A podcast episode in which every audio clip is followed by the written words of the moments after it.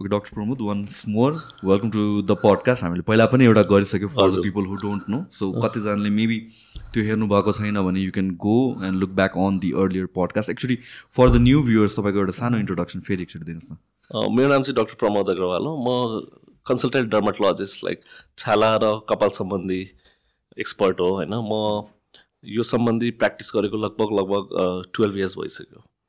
So मैले आफ्नो MBBS चाहिँ बिपिकेएचएस धरानबाट गरेको र मास्टर्स मैले एम्स न्यु दिल्लीबाट गरेको। सो अहिले नेपालमा नै मैले प्र्याक्टिस गरेको लगभग टु थाउजन्ड सिक्सटिनदेखि हो। अहिले आठ वर्ष हुन लाग्यो। सो त्योभन्दा अगाडि चाहिँ म दिल्लीमा प्र्याक्टिस गर्थेँ। I was working as medical director of hair transplant division with VLCC health care limited so त तर अहिले चाहिँ लास्ट एट इयर्सदेखि म नेपालमै छु। I have few centres in New Delhi also म कहिले काहीँ ट्राभल गर्छु तर मेजोरिटी अफ द टाइम मेरो अहिले नेपालमै छ तपाईँको यहाँ कहाँ प्र्याक्टिस गर्नुभयो तपाईँको सेन्टरको नाम पनि मेरो यहाँ क्लिनिक अहिले बालवाटरमा छ है फलिडम भनेर। सो त्यो चाहिँ हाम्रो हेयर सम्बन्धीको डिभिजन हो होइन। अहिले हाम्रो स्किन केयर एस्थेटिक सम्बन्धी एउटा नयाँ डिभिजन पनि आएको छ एलारा भनेर। सो त्यो आएको चाहिँ लगभग लगभग डेढ दुई वर्ष भयो होइन। सो बालवाटरमै छ दुइटै सेन्टर होइन। सो त्यहाँ मैले प्र्याक्टिस गरेको लगभग आठ वर्ष भइसक्यो। सो आजको पनि टपिक हामीहरूको चाहिँ अलिकति डेप्थमा हुन्छ। लास्ट टाइम भन्दा पनि रिगार्डिङ हेयर लसको कुराहरू हेयर लसको ट्रिटमेन्टको कुराहरू हेयर ट्रान्सप्लान्टको कुराहरू लास्ट टाइम चाहिँ हामीले ब्रिफ ओभरभ्यू चाहिँ सबैतिर हामीले छोयौँ। तर आज अलिकति मोर टुवर्ड्स हेयर ट्रान्सप्लान्ट तर बिफोर द्याट के गर्न सकिन्छ त्यहाँ पनि डिस्कस गरौँ। किन लास्ट टाइम पनि हामीले यो कुरा डिस्कस गरे पनि आई थिङ्क अलिकति अर्को लेभल अफ डेप्थमा जान सकिन्छ कि भन्ने कुराहरू सो स्पेसली हेयर लस भन्ने बित्तिकै mostly of course men and women both are concern तर it's a larger issue when it comes to men होइन? अनि जेनेटिक uh, कलि त हुन्छ नि होइन र कस के हेयर लसको कारण चाहिँ धेरै हुन्छ है Sushant the many causes of hair loss तर हामीले प्राय अब ओपिडीमा हामी कहाँ आउने पेसेन्टहरूलाई चाहिँ मोस्टलीलाई चाहिँ जेनेटिक हेयर लस नै हुन्छ. यसलाई हामीले प्याटर्न हेयर लस पनि भन्छौँ। यो मेल र फिमेल दुइटैमा हुन्छ। अर्को नाम यसको एन्ड्रो जेनेटिक एलोपेसिया पनि हो। सो यो समस्यामा चाहिँ के हुन्छ भने जस्तै केटा मान्छेहरूमा the top part of the head टाउको माथिको भागको कपाल चाहिँ बिस्तारै पातलो हुँदै झर्छ। सो यो किन हुन्छ भन्ने चाहिँ यसको मेन रिजन चाहिँ जेनेटिक्स हो। नर्मल मान्छेको बुझाइ चाहिँ के हुन्छ भने जेनेटिक्स भनेको मेरो मम ड्याडमा हुनुपर्छ अनि मात्र त्यो जेनेटिक हुन्छ भन्ने हुन्छ। तर त्यस्तो जरुरी छैन। जेनेटिक ट्रान्समिसन भनेको एकदम कम्प्लेक्स हो। लाइक यो तपाईँको आमा बुवा एकदम नर्मल हुनसक्छ इन टर्म्स अफ हेयर तर still you can have an issue which is genetic so यो जेनेटिक हेयर लसमा चाहिँ के हुन्छ भने तपाईँको जिउभित्र एउटा हर्मोन हुन्छ टेस्टोस्टिरन केटा मान्छेमा अलि धेरै हुन्छ केटी मान्छेहरूमा पनि हुन्छ तर यो हर्मोनले कपालको जरा खान्छ। फेरि कुनै हर्मोनको गडबड नै हुनुपर्छ भन्ने छैन। हर्मोन नर्मल छ र तर पनि तपाईँको कपाल चाहिँ यो हर्मोनप्रति सेन्सिटिभ छ। सो तपाईँको जिउभित्र भएको यो नर्मल हर्मोनले कपालको जरा चाहिँ बिस्तारै खाँदै जान्छ। अनि जरालाई ड्यामेज गर्न थालिसकेपछि जरा कपाल चाहिँ के हुन्छ भने कपालको मोटाइ चाहिँ कम हुँदै जान्छ। किनभने जरा कमजोर भइरहेछ। र जब त्यो जरा पुरै ड्यामेज भइसकेको हुन्छ त्यो ठाउँबाट कपाल आउन छोड्छ। सो हर्मोन त जताततै छ तर कपालको जराको बनावट सबै कपालको एउटै जस्तो हुँदैन। नर्मली जुन हाम्रो टाउको यो माथिको भागमा भएको कपाल यहाँ पछाडिको गोलो भाग क्राउन भन्छौँ हामीले त्यसको कपालको जराको जुन एउटा बनावट हुन्छ त्यो अलिकति डिफ्रेन्ट हुन्छ है। सो यो हर्मोनले चाहिँ त्यो कपालहरूले मात्र ड्यामेज गर्छ तर जस्तै टाउकोमै पछाडि र साइडमा भएको कपाल अब अरू जिउमा अरू जस्तै दाडीको कपाल भयो होइन? आर्मपिट्सको कपालहरू जिउमा भएको कपालहरू चाहिँ यो हर्मोनले ड्यामेज गर्न सक्दैन। अब त्यसको एक्ज्याक्टली साइन्टिफिक रिजन चाहिँ अलिकति कम्प्लेक्स छ तर म नर्मली अब पेसेन्टहरूलाई बुझाउने बेला के भन्छु भने जराको बनावट चाहिँ फरक हुन्छ। कुनै जरालाई चाहिँ यो हर्मोनले बिगार्न सक्छ कुनैलाई चाहिँ बिगार्दैन। सो द्याट्स वाइ अब माथिको टाउको माथिको भागमा भएको कपालको जराको बनावट अलिक डिफ्रेन्ट भएकोले तपाईँले पनि नोट गर्नुभएको जस्तै केटा मान्छेको टाउको माथिको भागको कपाल मात्र जान्छ अर क्राउनतिर है? सो बिस्तारै पातलो हुन्छ र त्यो पातलो बढ्दै गएपछि कपाल आउने छोड्छ र चिल्लो हुन्छ। सो युजली किनभने केटाहरूको बल्डनेस हेर्दाखेरि त्यही त अगाडिको मेल प्याटर्न बल्डनेस यो काइन्ड अफ यो एरियामा भयो अनि यो टाउको माथितिर हुने भयो क्राउन एरियामा हुने भयो होइन? It does it have something to do with एजको कारणले किनभने चाहिँ ओल्डर पिपलहरू आइसी यो एरियामा बेसी भएको देखिन्छ कि मैले मात्र नोटिस गरेँ कि। इज इट कोरिलेटेड होइन यस्तो छैन। अब हामीले आई हेभ सिन पेसेन्ट्स होइन as young as fifteen years sixteen years जसलाई यो समस्या छ। र ओल्ड एजमा डेफिनेटली यो समस्या धेरै देखिन्छ। तर सो दिस इज ट्रु कि मान्छेको उमेर बढ्दै गएपछि यो एन्ड्रोजेनेटिक एलोपेसिया हुने सम्भावना चाहिँ बढी हुन्छ। हामीले यदि साठी वर्षको मेल पेसेन्ट्सहरूलाई पनि हेर्ने हो भने अथवा साठी वर्षसम्म पुगेको मेलहरूलाई इभ्यालुएट गर्ने हो भने साठीदेखि सत्तरी पर्सेन्टलाई यो प्रब्लम छ। तर सुरु चाहिँ जहिले पनि हुनसक्छ यङ पेसेन्टलाई पनि हुनसक्छ ओल्डलाई पनि हुन्छ yes but increasing age is a risk factor for this so जस्तो कि यो अगाडिको हेयर र पछाडिको हेयर एजसँग रिलेटेड होइन। आइम लाइक यो कि मैले भन्नु खोजेको चाहिँ most people I see younger एजको चाहिँ यहाँबाट रिसिड हुन थाल्छ।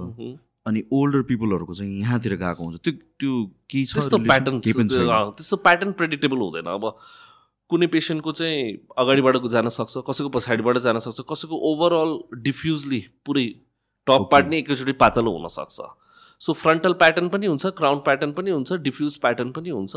तर यो एजमा यस्तो बढी हुन्छ भन्ने चाहिँ हुँदैन। सो जस्तो कि एउटा सेफ एज भन्ने हुन्छ कि once you cross that okay मलाई मेरो कपाल अब झर्दैन है इट्स लेस लाइकली टु फल भन्ने हुन्छ र? त्यो अब कस्तो हुन्छ भने इट क्यान बी प्रेडिक्टेड होइन कि तपाईँलाई कुनै पनि जाँच हुँदैन यस्तो कि हामीले अब यो मान्छेलाई यो हुन्छ कि नै यो प्रेडिक्ट गर्न चाहिँ सकिँदैन कि। कुनै कुनै जेनेटिक टेस्टहरू छ अहिले होइन? अब त्यो जेनेटिक टेस्टहरू गरेर यो मान्छेलाई तालुपन हुने सम्भावना तर त्यो टेस्टहरू पनि क्लिनिकली त्यति सक्सेसफुल छैन एप्लिकेबल पनि छैन होइन? सो डेफिनेटली मैले तपाईँलाई भनेँ नि कि अब उमेर बढ्दै गयो भने त अलिकति रिस्क हुन्छ कि तालुपन यो हुन्छ कि भनेर तर अगेन तपाईँको यो अलिक छिटो एजमा पनि हुनसक्छ एकदम बुढो भएर पनि सुरु हुनसक्छ। सो कतिचोटि आउँछ अब हाम्रो कहाँ पेसेन्ट्सहरू एकदम यङ पेसेन्टहरू आउँछ। They're at age of twenty twenty one twenty five thirty होइन। अब हामीले सोध्छौँ तपाईँको फ्यामिलीमा कसैलाई छ कि छैन। भन्छ किनभने मैले भनेँ नि कि फ्यामिलीमा छ भने देयर मोर चान्सेस कि it is a genetic thing होइन।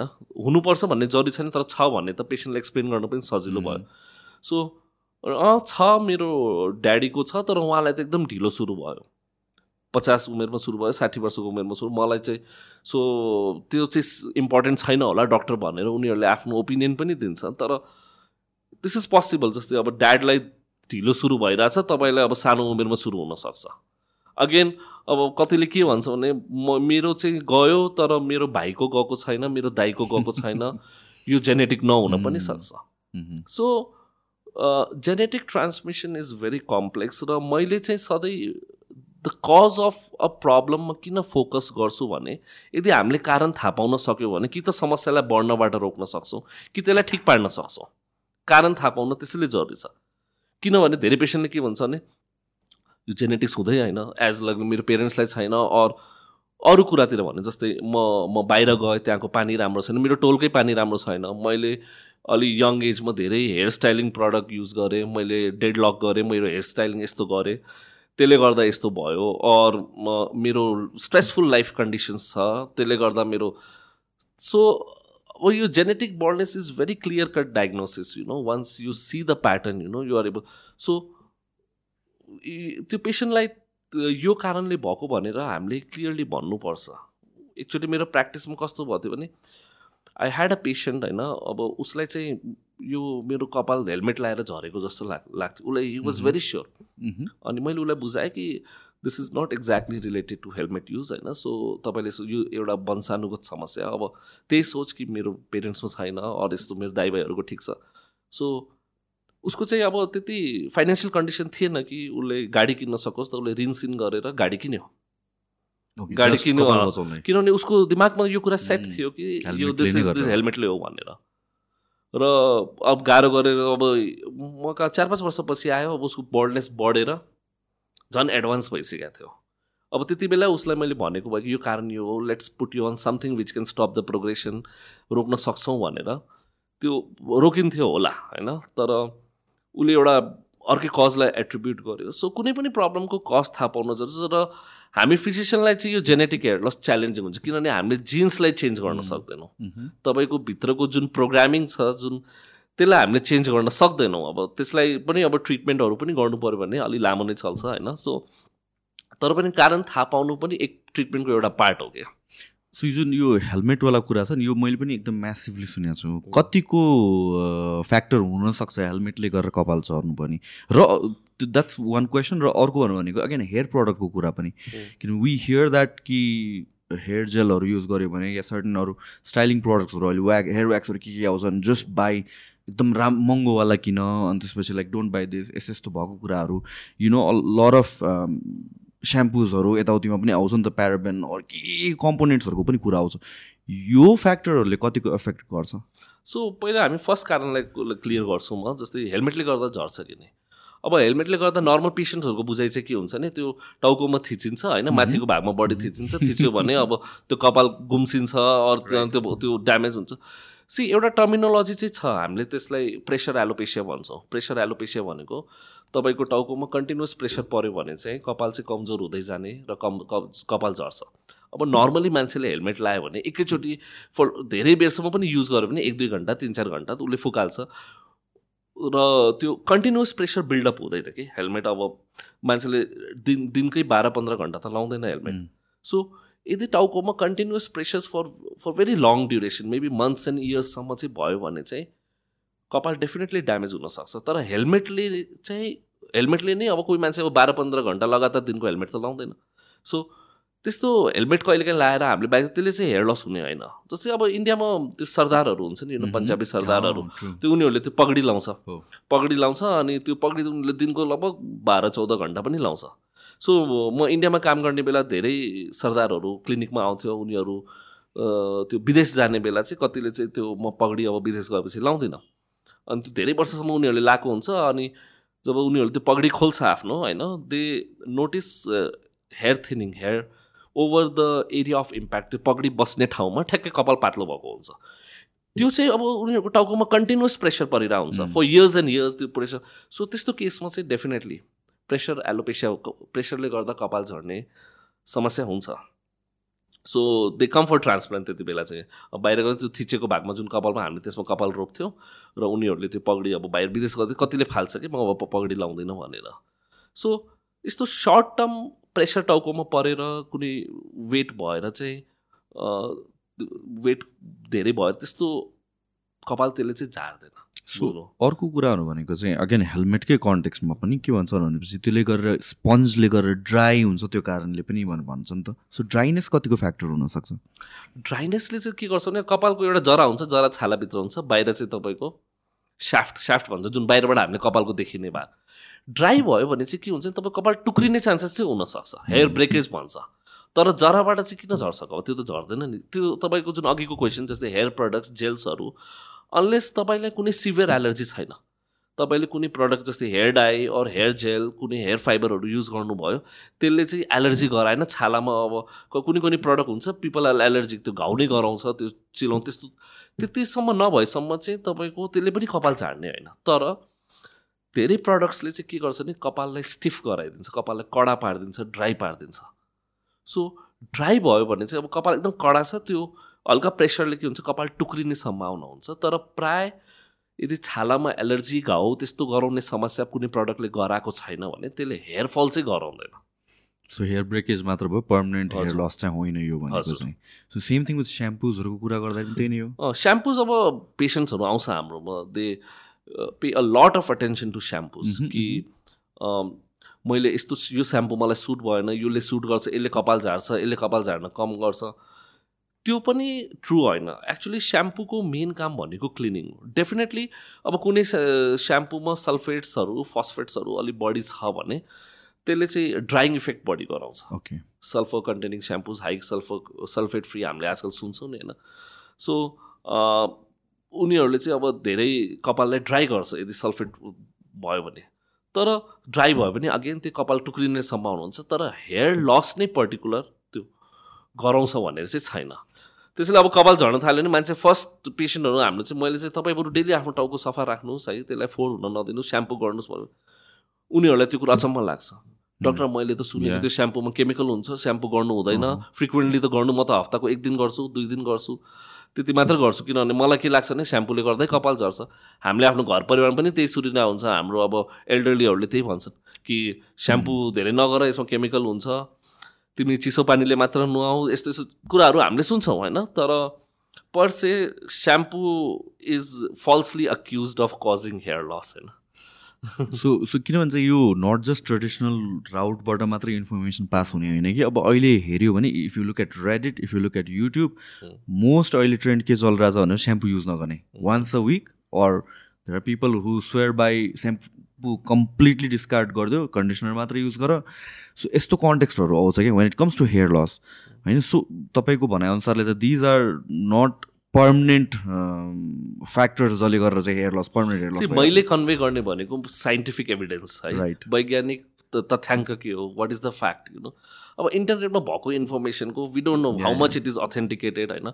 Even you can go and write down your views on this आज मैले केरा खाएँ केरा खाएर पानी पऱ्यो केरा खाएर पानी पर्दो रहेछ। You can write it some people will believe it जसलाई त्यो जसले त्यो सुनेको छ होइन? उसले कोरिलेट. तर हामीले चाहिँ अब इन्टरनेटमा यति इन्फर्मेसन छ कि के अथेन्टिकेटेड हो त्यो पेसेन्टले त्यो थाहा पाउँदैन। उसले जुन इन्फर्मेसन धेरैचोटि पढ पढ्यो जुन कुरा उसले पटक पटक हेऱ्यो जुन इन्फर्मेसन त्यो त्यो उसलाई उसले चाहिँ त्यसलाई ठिक मान्छ क्या होइन? तर हामीले कुरा भन्ने भनेको जुन साइन्टिफिकली प्रुभन छ साइन्टिफिकली करेक्ट छ त्यो भन्ने हो होइन? सो थिङ्स लाइक म यो प्रडक्टमा अलिकति म फ्यु क्वेसन्सहरू अझ एड गरेँ। जस्तो कि थिङ्स लाइक स्याम्पुज विथ कफीहरू भनेर पनि आउनु थालेछ आजकल। कतिको इफेक्टिभ हुन्छ त्यो? Shampoos with caffeine shampoos with biotin होइन? सल्फेट फ्री स्याम्पू धेरै हेर्नुहोस् त्यो कुराहरू आएको हुन्छ तर स्याम्पू भनेको तपाईँको टाउकोमा एकदम सर्ट ड्युरेसनको लागि बस्छ। म्याक्सिमम् वान टू मिनट्स कसै कसैले अब लङ सावर्सहरू पनि लियो भने फोर फाइभ मिनट्स बस्ला राइट सो त्यो कम्पोनेन्टहरूले त्यति जस्तै अब तपाईँले कुनै बायोटिन स्याम्पू नै लगायो भने त्यो तपाईँको कपालको जरासम्म छिर्न त्यति टाइम पनि पाउँदैन। किन छालाबाट नै कुनै कुरा पास हुन minimum twenty minutes twenty five minutes लाग्छ। राम्रो भन्छ। सो र छालाभित्र गएर त्यसले एक्ट सो यो कम्पोनेन्ट्सहरू what I believe most of them are like marketing gimmicks rather than having pure scientific benefit. मैले चाहिँ स्याम्पूको काम पेसेन्टहरूलाई it is just for cleaning look Mm. Pantene, you look clear. म अब सम पेसेन्ट चाहिँ doctor तपाईँले के रेकमेन्ड गर्नुहुन्छ नि मैले कि आई जस्ट राइट इट होइन तर आई गिभ पेसेन्ट्स अप्सन्स कि होइन तपाईँले मार्केटमा पाउने एउटा रेपुटेड ब्रान्ड्सहरूको स्याम्पूमा यु क्यान गो हेड होइन you don't have to pay much attention to shampoo किनभने then they will be diverted from the main problem and main Yeah. Treatment Yeah. I, I think that's a huge market पनि at this point अनि त्यसपछि the way यो प्रडक्टहरू market गरिन्छ as a solution नै त्यही हो भनेर इट्स ट्रेन्ड एउटा हिसाबले ट्रेन्ड नै भएको छ। Sometimes it's hair oil sometimes it's the conditioner कहिले स्याम्पूको कुरा आउँछ कहिले के कहिले के कहिले के किन कि कुरामा जम्प गरेर आउँछ back and forth now hair oil कतिको इफेक्टिभ होला? हामीले as a doctors also we don't recommend hair oils अब हामीले सुनेको चाहिँ के हुन्छ भने कपाल बलियो हुन्छ त्यो ओइल युज गर्ने यो घर परिवारमा पनि सुनेको कुरा हो होइन? पेसेन्टहरूले पनि गर्छन् अब ओइलिङ गर्छ। हट हट ओइल ओइल मसाजहरू गर्छ होइन? कति पेसेन्ट्सहरू त त्यो गर्दा गर्दै त्यो होपमा गर्छन् र त्यो प्रब्लम यति बढिसकेको हुन्छ। हामीले पेसेन्टलाई कतिलाई एडभान्स स्टेजमा पनि देख्छौँ कि। अगेन यो कुरा चाहिँ के हुन्छ वैज्ञानिक रूपमा तेलको फाइदा पनि त्यति प्रमाणित छैन। त्यसले एउटा काम चाहिँ के गर्छ भने कसैलाई अब ड्राई लुकिङ हेयर मन पर्दैन। ड्राई लुकिङ अनि त्यो तेल लगायो भने अलिकति साइनी देख्छ। अब कसै कसैलाई साइनी कपाल मनपर्छ। नाउ त्यो पनि टेम्पोररी थिङ मात्र हो। टेम्पोरी हो। तपाईँको कपाल पर्मानेन्ट त वास डाउन गरिसकेपछि अगेन ब्याक त्यो अब कमन सेन्स होइन त्यो हुन्छ भने। तर अ, तेलले नै अब कपाललाई न्युट्रिसन दिने कपाल बलियो पार्ने कपाल किनभने त्यो भनिन्छ नि त। This is again not proven you know okay so मेरो असम्सन इज हट सावरले पनि खासै फरक पर्दैन except for dryness except for yes यो अब धेरै तातो पानी अरू धेरै चिसो पानी पनि अब कति मान्छे पेसेन्टहरू कस्तो छ भने टाउको चाहिँ चिसो पानीले नुहाइदिएर आउँछ। लाइक जिउ चाहिँ जस्तो मन तातो तातो नुहाए पनि टाउको चाहिँ चिसो पानीले नुहाउनुपर्छ भन्ने सोच हुन्छ। जाडोमा दुःख पाइ पाइ काठमाडौँ जस्तोको जाडोमा पनि त्यो चिसो पानीले कसरी नुहाउँछ म पनि अचम्म हुन्छु। First skin first skin normally or for hair. होइन even very hot and very cold water is not good किनभने तातो पानीले पनि धेरै ड्राइनेस गर्छ। अब कोल्ड एम्बियन्ट हुनुपर्छ। अब मैले चाहिँ टाउको वास गर्ने बेला body wash lukewarm water होइन? ले तपाईँले बडीलाई वास गर्नुहोस्। हेयरको लागि पनि सेम त्यही हो। त्यो जाडोमा पनि तातो पानीले नु चिसो पानीले नुहाउने त्यो दुःख लिनु पर्दैन। किनभने त्यसले तपाईँको कपाल बचाउँदैन। त्यसले तपाईँको कपाललाई बलियो पनि पार्दैन होइन? So it's not going to change much होइन? आफूलाई कम्फर्टेबल हुने वाटरको टेम्परेचरमा तपाईँले कपाल नुहाएको राम्रो सो हेयर लसको लागि when we talk about factors के के हो होइन? वान थिङ हामीले कभर गरेको भनेको it's genetics which might be different from heredity किन मान्छेले हेरिडिटी भनेर बुझिरहेको छ जेनेटिक्सलाई हेरिडिटी लाइक हेरिडिटी कुराहरू जिनसँग सम्बन्धित छ like it is hereditary hair loss तर हेरिडिट्री कुराहरू पनि पेरेन्ट्समै हुनुपर्छ भन्ने छैन कि लाइक त्यो त्यो जेनेटिक्स भनेको त्यो so it is almost same heredity हो genetics it is same related to because heredity things are related to genetics होइन। तर त्यही अघि मैले भने जस्तो कि पेसेन्टलाई त्यो बिलिभ गर्न गाह्रो हुन्छ कि कि किनभने हाम्रो नर्मल सबै मान्छेको सोच यही छ कि genetics means it runs in families फ्यामिलीमा बाउ बाजेदेखि बुवा जसो यो कुरा बुझ्नु चाहिँ genetic transmission is very complex यदि फ्यामिलीमै जिन्ससँग सम्बन्धित भएको यो तपाईँले पाउने जिन्स त आफ्नो पेरेन्ट्सबाट हो नि त। सो तपाईँको त कि त आमापट्टि कि बुवापट्टि कि त्यसको मिक्सचर त हुनुपर्ने नि। तर childrens are something very different from their parents gene change हुन्छ there are mutations there are rearrangements धेरै कुराहरू छ। सो जिन्स पाउने पेरेन्ट्सहरूबाट तर त्यो जिन्सहरू चेन्ज भएर आउँछ। त्यो त्यसमा धेरै कुराहरू अरू कुराहरू हुन्छ जसले गर्दा चाहिँ कुनै पनि जेनेटिक समस्या पेरेन्ट्समै हुनुपर्छ भन्ने छैन। तर तपाईँमा छ र स्टिल पेरेन्ट्स नर्मल छ दिस कुड बी जेनेटिक भनेर पनि बुझ्नु पऱ्यो न one thing about hair loss मैले रिसेन्टली नोटिस गरेको इज लाइक अब मेरो ड्याड साइड अफ द फ्यामिलीलाई चाहिँ हेयर लसको एकदमै म्यासिभ इस्यु छ राइट म एकदमै कन्सर्न हो पहिलादेखि नै। So lot of research lot of going on the internet हेर्दाखेरि मैले what I realise is lot of people चाहिँ in the twenties early twenties कपाल झर्न लायो भनेर चाहिँ पोस्ट गरेर हुन्छ कि? किनभने युजली हेयर लस भनेको त अलिकता एज भइसकेपछि मच्योर भइसकेपछि आउने प्रब्लम जस्तो लाग्छ। नाउ यो जुन यङ एजमा आउने जुन हेयर लसको कुरा छ यो रिसेन्ट टाइम्समा इन्क्रिज भएको हो कि कि it's been like that for ever they are अब to school of thoughts on this होइन अब आजकल we see more patients presenting with hair loss हामीका धेरै पेसेन्ट हुनुहुन्छ कपालको समस्या लिएर। पहिला त्यति थिएन कि भनेर पनि मान्छेहरूले सोध्छ अब कति साइन्टिस्टहरूले चाहिँ के सोध्छ भने अरू कुनै आजकलको लाइफस्टाइल फ्याक्टर्सहरू चेन्ज भएर कपाल झ बढी झर्न थालेको हो कि भनेर। फर्स्ट अफ अल यही क्वेसन डाउटमा छ कि के यो जेनेटिक हेयर लसको प्रिभेलेन्स यो अर इन्सिडेन्स यो हुने बढेको छ कि छैन? म पर्सनली चाहिँ अब मसँग धेरै स्ट्रङ रिजन त छैन तर वाट आई बिलिभ कि पहिला पनि हुन्थ्यो अहिले पनि छ होइन?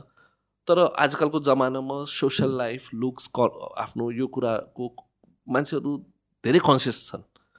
Everybody wants to look good look confident होइन? सो बढी पेसेन्ट्सहरू डक्टरको म भिजिट गर्छ। Way back like old टाइम्समा maybe this was not priority तर आजकल social life is very important है सो मान्छेहरूले फिल गर्छ it's they give a lot of attention to their wellbeing होइन?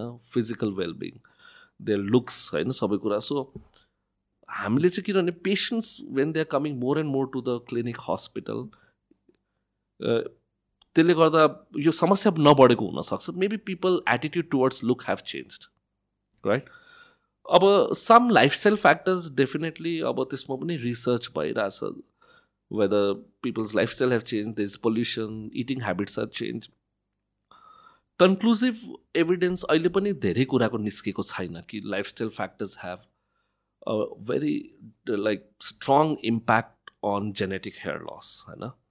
वी आर लुकिङ वेदर अब जस्तै स्मोकिङको पनि हामीले सोध्छौँ कि स्मोकिङको कुनै स्टडिजमा कुनै रिसर्चमा ठिक छ स्मोकिङले चाहिँ अब छिटो एकदम बढ्नेस गरिदिने बढ्नेस फास्ट बढ्ने त्यो कुराहरू देखाएको छ अब कुनै कुनै रिसर्चमा चाहिँ त्यति स्ट्रङली एसोसिएसन देखाएको पनि छैन।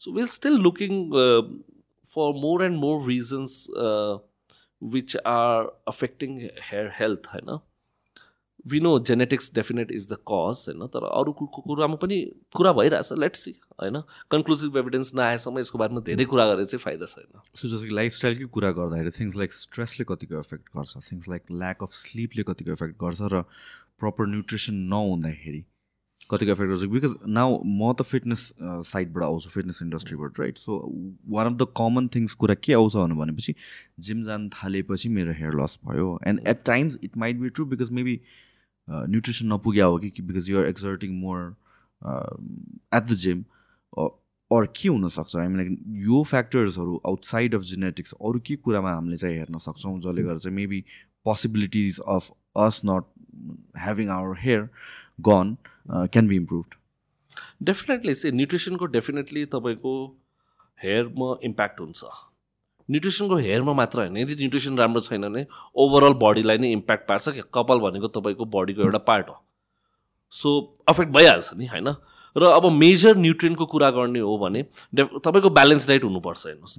ब्यालेन्स डाइटमा कुनै पनि प्यारामिटर्सहरू यदि बिग्रेको छ भने हेयरमा इम्प्याक्ट आउन सक्छ र मेजर हामीले न्युट्रियनकै कुरा गर्ने हो भने जस्तै आइरन भयो जिङ्क सेलेनियम होइन यो भिटामिन डी होइन यो कुराहरूको चाहिँ तपाईँको एकदम इम्प्याक्ट हुन्छ हेयर हेल्थमा र जस्तै जिमकै कुरा गर्ने हो भने अब ऱ्यापिड वेट लस गरेको मान्छेहरू तपाईँको rapid weight loss or weight gain गऱ्यो भने न्युट्रिसनल सिफ्ट्सहरू एकदम ऱ्यापिड हुन्छ कि? आज एउटा मानौँ आइरन लेभल यहाँ छ वेट लस आइरन लेभल उहाँ तल पुगेर आउँछ।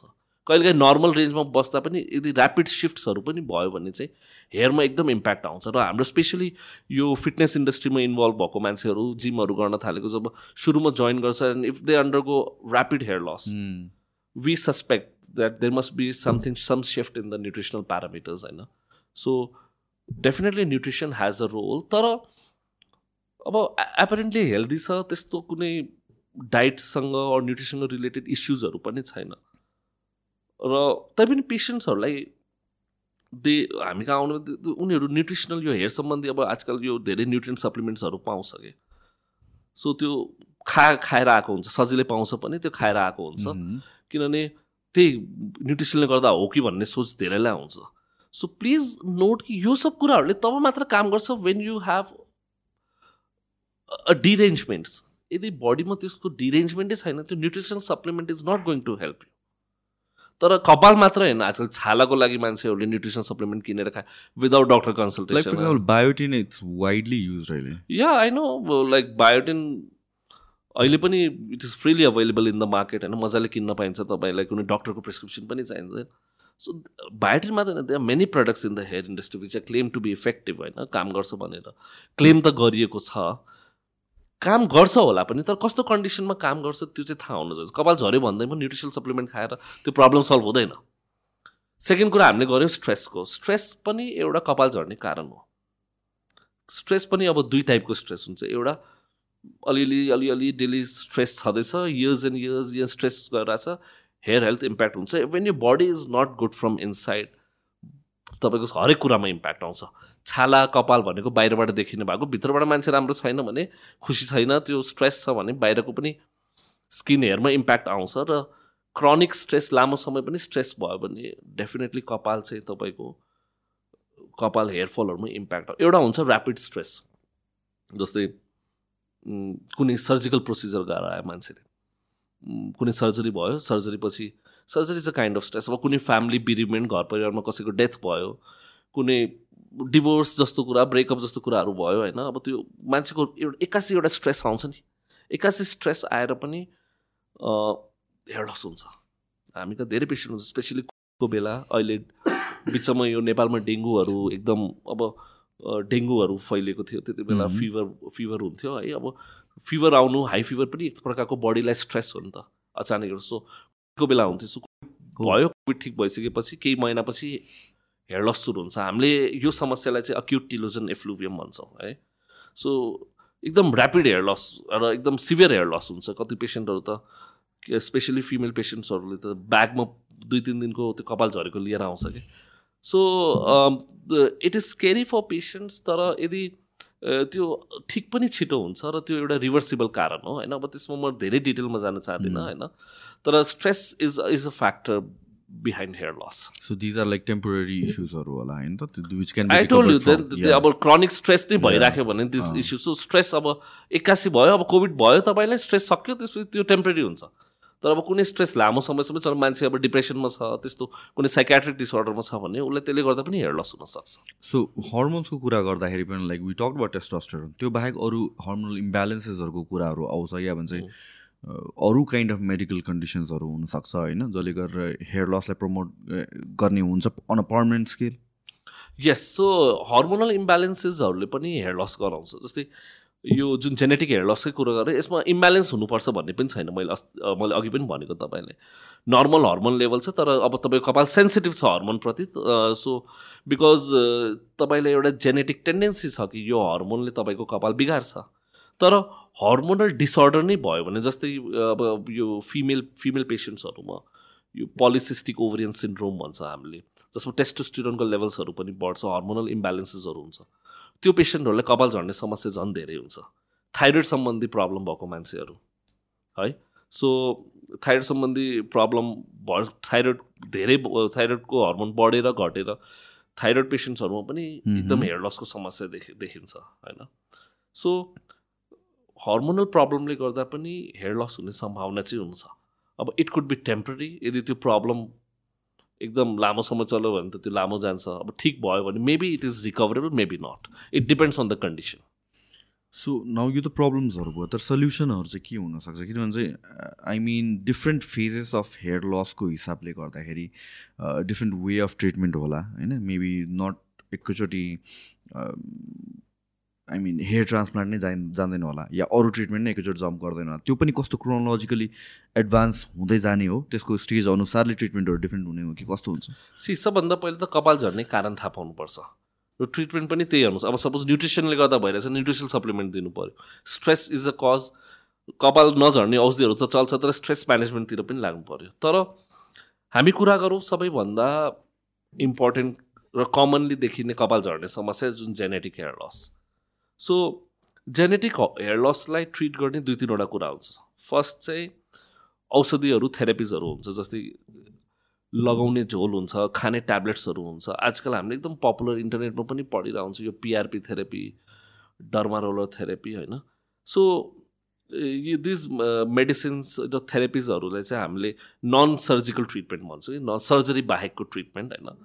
सो यो पनि यसले जेनेटिक हेयर लसमा काम गर्छ तर कस्तो बेला काम गर्छ भने यो सब ट्रिटमेन्टले मेन गर्ने भनेको तपाईँको समस्या हेयर लसलाई बढ्नबाट रोक्छ। जुन हर्मोनले कपाल ड्यामेज गरिरहेछ त्यो हर्मोनलाई ड्यामेज गर्न दिँदैन अर त्यो ड्यामेजलाई रिपेयर गर्छ। सो तपाईँको हेयर लस रोकिन्छ।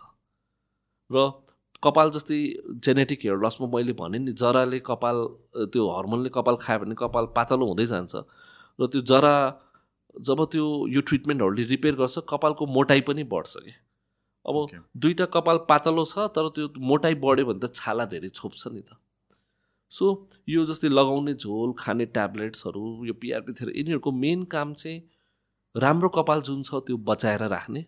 र पातलो भएको ठाउँलाई पातलो पातलो भएको कपाललाई बाक्लो पार्छ। तर यो ट्रिटमेन्टले चाहिँ के गर्दैन भने तपाईँको जहाँ कपाल छैन त्यहाँ नयाँ कपाल चाहिँ ल्याउँदैन। मानौँ तपाईँको यहाँबाट कसैको साइडबाट जान थालेछ चिल्लै छ। त्यसमा तपाईँले त्यो पिआरपी गरेर पनि हुँदैन लगाउने झोल गर्नुहोस् खाने ट्याब्लेट गर्नुहोस् त्यसले नयाँ कपाल चाहिँ उमार्दैन। तर कति पेसेन्ट्सहरू एकदम सुरु सुरुको स्टेजमा आएर आउँछ कि डक्टर मेरो कपाल अलिअलि सपोज साइडबाटै जान थाल्यो। अब यो आइएम स्केयर्ड म त अहिले यो लामो पारेर छोपिरहेको छु। मैले यसलाई छोप्नु छोप्नु यसरी यो साइडकोलाई छोपिरहेको छु लामो पारेर। तर अझै जान्छ कि भन्ने मलाई डर छ। सो हामीले अब इभ्यालुएट गरेर हामीले यही नन सर्जिकल ट्रिटमेन्टमध्ये केही एउटा अरू कम्बिनेसन हामीले दिन्छौँ। सो एटलिस्ट त्यो नबढोस् भनेर। अरू कसैको पातलो छ पुरै कपाल चिल्लो भएको छैन। पुरै टाउको चिल्लो भएको छैन। जस्ट पातलो भएको छ भने त्यसले भल्युम पनि बढाउँछ किनभने कपालको मोटाइ चाहिँ बढाइदिन्छ। So this treatment work depending on अब पेसेन्टको होइन this is a variable success rate होइन। त this a good treatment so जुन यो हामीले मिनोक्सिडिलहरूको यता फिनेस्ट्राइडहरूको कुरा गरेर हो यो चाहिँ लगाउने झोल बिनोक्सिडिल भयो ट्याब्लेटमा पनि पाउँछ है। फिनेस्ट्राइड पनि अब झोल ट्याब्लेटमा पाउँछ होइन। सो जस्ट कि यो when you look in the internet what people are doing most पिपलले चाहिँ ओभर द काउन्टर नै पनि पर्चेस गरेर हुन्छ कतिको सेफ हुन्छ यो केसमा कि consultation is important see as a doctor चाहिँ मैले के भन्छु भने के समस्या छ भने डक्टरले चाहिँ भेटेको राम्रै हो। अब few treatments they are available over the counter है। स्पेसली अब मिनोक्सिडिल जस्तै कुराहरू चाहिँ ओभर द काउन्टर पाएर हुन्छ तर मेबी सबै प्रब्लममा त काम नगर्ला नि त। सो मानव जेनेटिक हेयर लसमा काम गर्छ पेसेन्टले यत्तिकै गएर किन्यो। के थाहा उसलाई जेनेटिक हेयर लस नहुन पनि सक्छ। तर यस this treatment most of this treatment are very safe हेर्नु साइड इफेक्ट नहुने त होइन तर सम्भावना कति छ भन्ने कुरा हो। So because they are safe they are available over the counter यदि सेफै नभएको भए त डक्टर प्रेसक्रिप्सन बिना त किन्न पनि पाइँदैन पाइँदैन थियो नि त। तर एउटा प्रब्लम चाहिँ के छ भने हर्मोन भनेको तपाईँको जिउभित्र सधैँ भइराख्ने कुरा हो। टेस्टोस्टिरोनले यदि कपाल बिगार्छ भने टेस्टोस्टिरोन त मेरो जिउबाट कतै जाँदैन नि त। मैले यो नन सर्जिकल ट्रिटमेन्टहरू गरेँ उनी अब यताबाट हर्मोनले ड्यामेज गरिरहेछ त्यो कि त त्यो जरालाई रिपेयर गरिरहेछ कि हर्मोनलाई कामै गर्न दिएको छैन कपालतिर।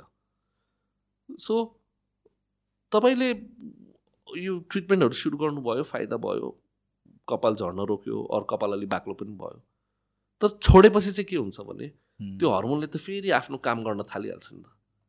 जरा फेरि damage so this treatment will only work till you take it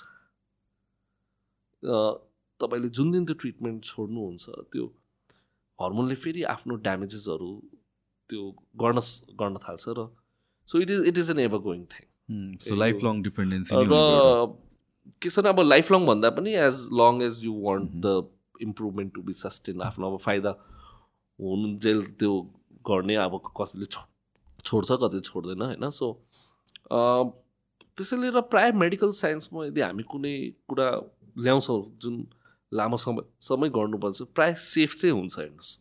जस्तै ब्लड प्रेसरकै औषधि हेर्नुहोस्। अब ब्लड प्रेसर मान्छेहरूले बिस बिस तिस तिस चालिस चालिस वर्ष डायबिटिजको औषधि खान्छन्। देयर आर रिलेटिभली अब सेफ नै भएर हुन्छ। त्यस्तो अब साइड इफेक्ट्स नहुने त होइन? तर यदि साइड इफेक्ट थोरै पेसेन्टमा हुन्छ भने अब त्यो रोगको पनि त हेर्नु पऱ्यो अब ब्लड प्रेसरलाई ट्रिट गरेन भने त मान्छेहरूको ज्यान जान सक्छ diabetes so these are these are safe options the only thing is अब कपाल जस्तो कुराको लागि मैले यति लामो ट्रिटमेन्ट गर्ने नगर्ने भन्ने कुरा चाहिँ पेसेन्टले सोच्नु पऱ्यो सो यो त औषधिको बारेमा कुरा भयो। अब डेफ मैले भने चाहिँ मेन चाहिँ अब प्रोग्रेसनलाई रोक्छ होइन। जहाँ कपाल छैन त्यहाँ चाहिँ हामीले ट्रान्सप्लान्ट गर्छौँ। मात्र अब मानौ कि कपाल पातलै छ तर अब त्यो कपाल भएको कपाललाई औषधिले बाक्लो पारे पनि छाला छोपिँदैन भने त्यसमा पनि ट्रान्सप्लान्ट गर्नु पऱ्यो अब कसैले औषधि खाइरहेछ औ गरिरहेछ लगाइरहेछ पिआरपी पनि लिइरहेछ मानौँ तर उसलाई औषधिले कामै गरेन किनभने सबैले काम गर्छ भन्ने पनि छैन। अब कोही पेसेन्ट हुन्छ अब औषधि युजै गर्दिनँ म। अब कोही पेसेन्टको कन्डिसनै यस्तो छ कि उसले औषधिले फाइदै हुँदैन जस्तै अब लाइक चिल्लो नै छ अरू एकदम टाउको नै चिल्लो छ अरू धेरै पातलो छ त्यसमा औषधिले बाक्लो पारेर त्यो गर्दैन। अरू कसैले औषधि त युज गरे तर अनफर्चुनेटली साइड इफेक्ट भइदियो। सो त्यस्तो पेसेन्टमा चाहिँ हामीले ट्रान्सप्लान्ट गर्छौँ।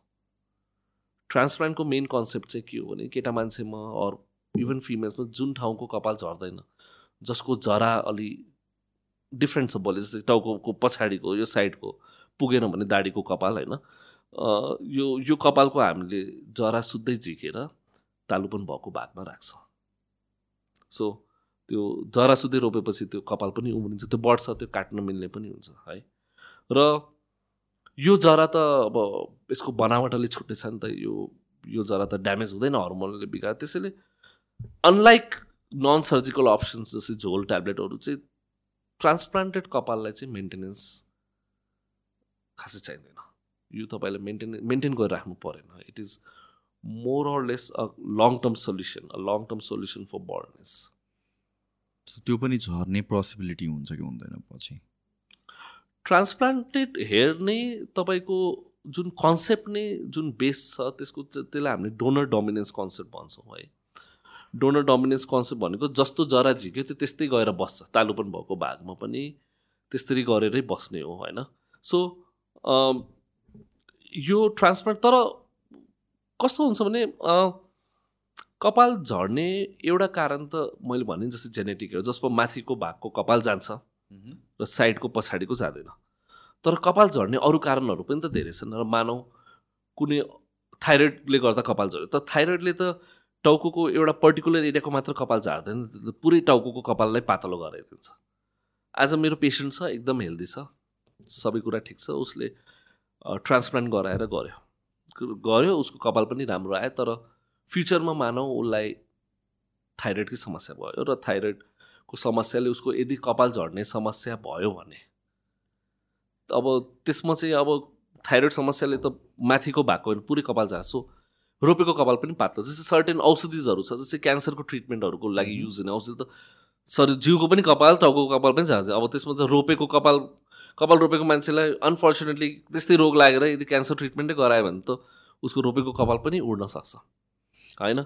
So permanent as long as अब त्यो एउटा मात्र समस्या छ जेनेटिक हेयर लस मात्र समस्या छ र मान्छे हेल्दी छ त्यस्तो अब अहिलेसम्मको साइन्टिफिक एभिडेन्सले चाहिँ के भन्छ भने transplanted hair should be is destine to be permanent so one second talking about like मेडिसिनहरूकै कुरा गर्दाखेरि एउटा वान अफ द हेजिटेन्सी कहाँ आउँछ भनेपछि while talking about finasteride finasteride र फर्टिलिटीको केसमा कतिवटा लिङ्केजहरू अपेरेन्टली देखिन्छ साइन्स साइन्सले के भन्छ डेटाले के भन्छ फिनेस्ट्राइडको चाहिँ अब सी मेन कन्सेप्ट चाहिँ फिनेस्ट्राइड भनेको यो टेस्टोस्टिरोन हर्मोनसँग को जुन सिन्थेसिस हुन्छ बडीमा होइन? त्यसमा चाहिँ अलिकति रोक लाउने हो।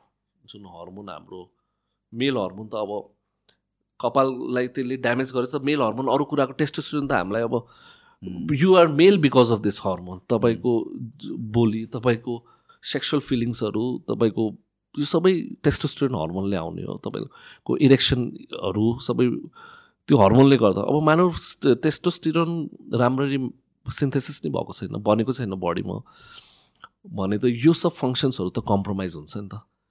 सो अहिलेसम्मको मेरो एक्सपिरियन्स र साइन्टिफिक एभिडेन्सकै कुरा गर्ने हो भने I feel this is a safe tablet होइन? अब डेफिनेटली हामीले केस टु केस इभ्यालुएट गरेर त दिन्छौँ नि होइन? तर बिकज हेयरको लागि जुन अप्रुभ डोज छ अहिलेसम्म हेयरको लागि जुन अप्रुभ डोज छ त्यसले त्यस्तो रिस्की चाहिँ छैन। डेफिनेटली यदि हामीले हायर डोजमा गयौँ भने त्यो साइड इफेक्ट्सहरू चाहिँ हुनसक्छ। तर इभन मैले अब कन्फरेन्सेसहरूमा पेसेन्ट्सहरू डक्टर्सहरू सिनियर कोही छ एकदम धेरै लामो समय finasteride some doctors say that they have been giving finasteride to their patient for more than twenty twenty five years र केही पनि प्रब्लम भएको छैन।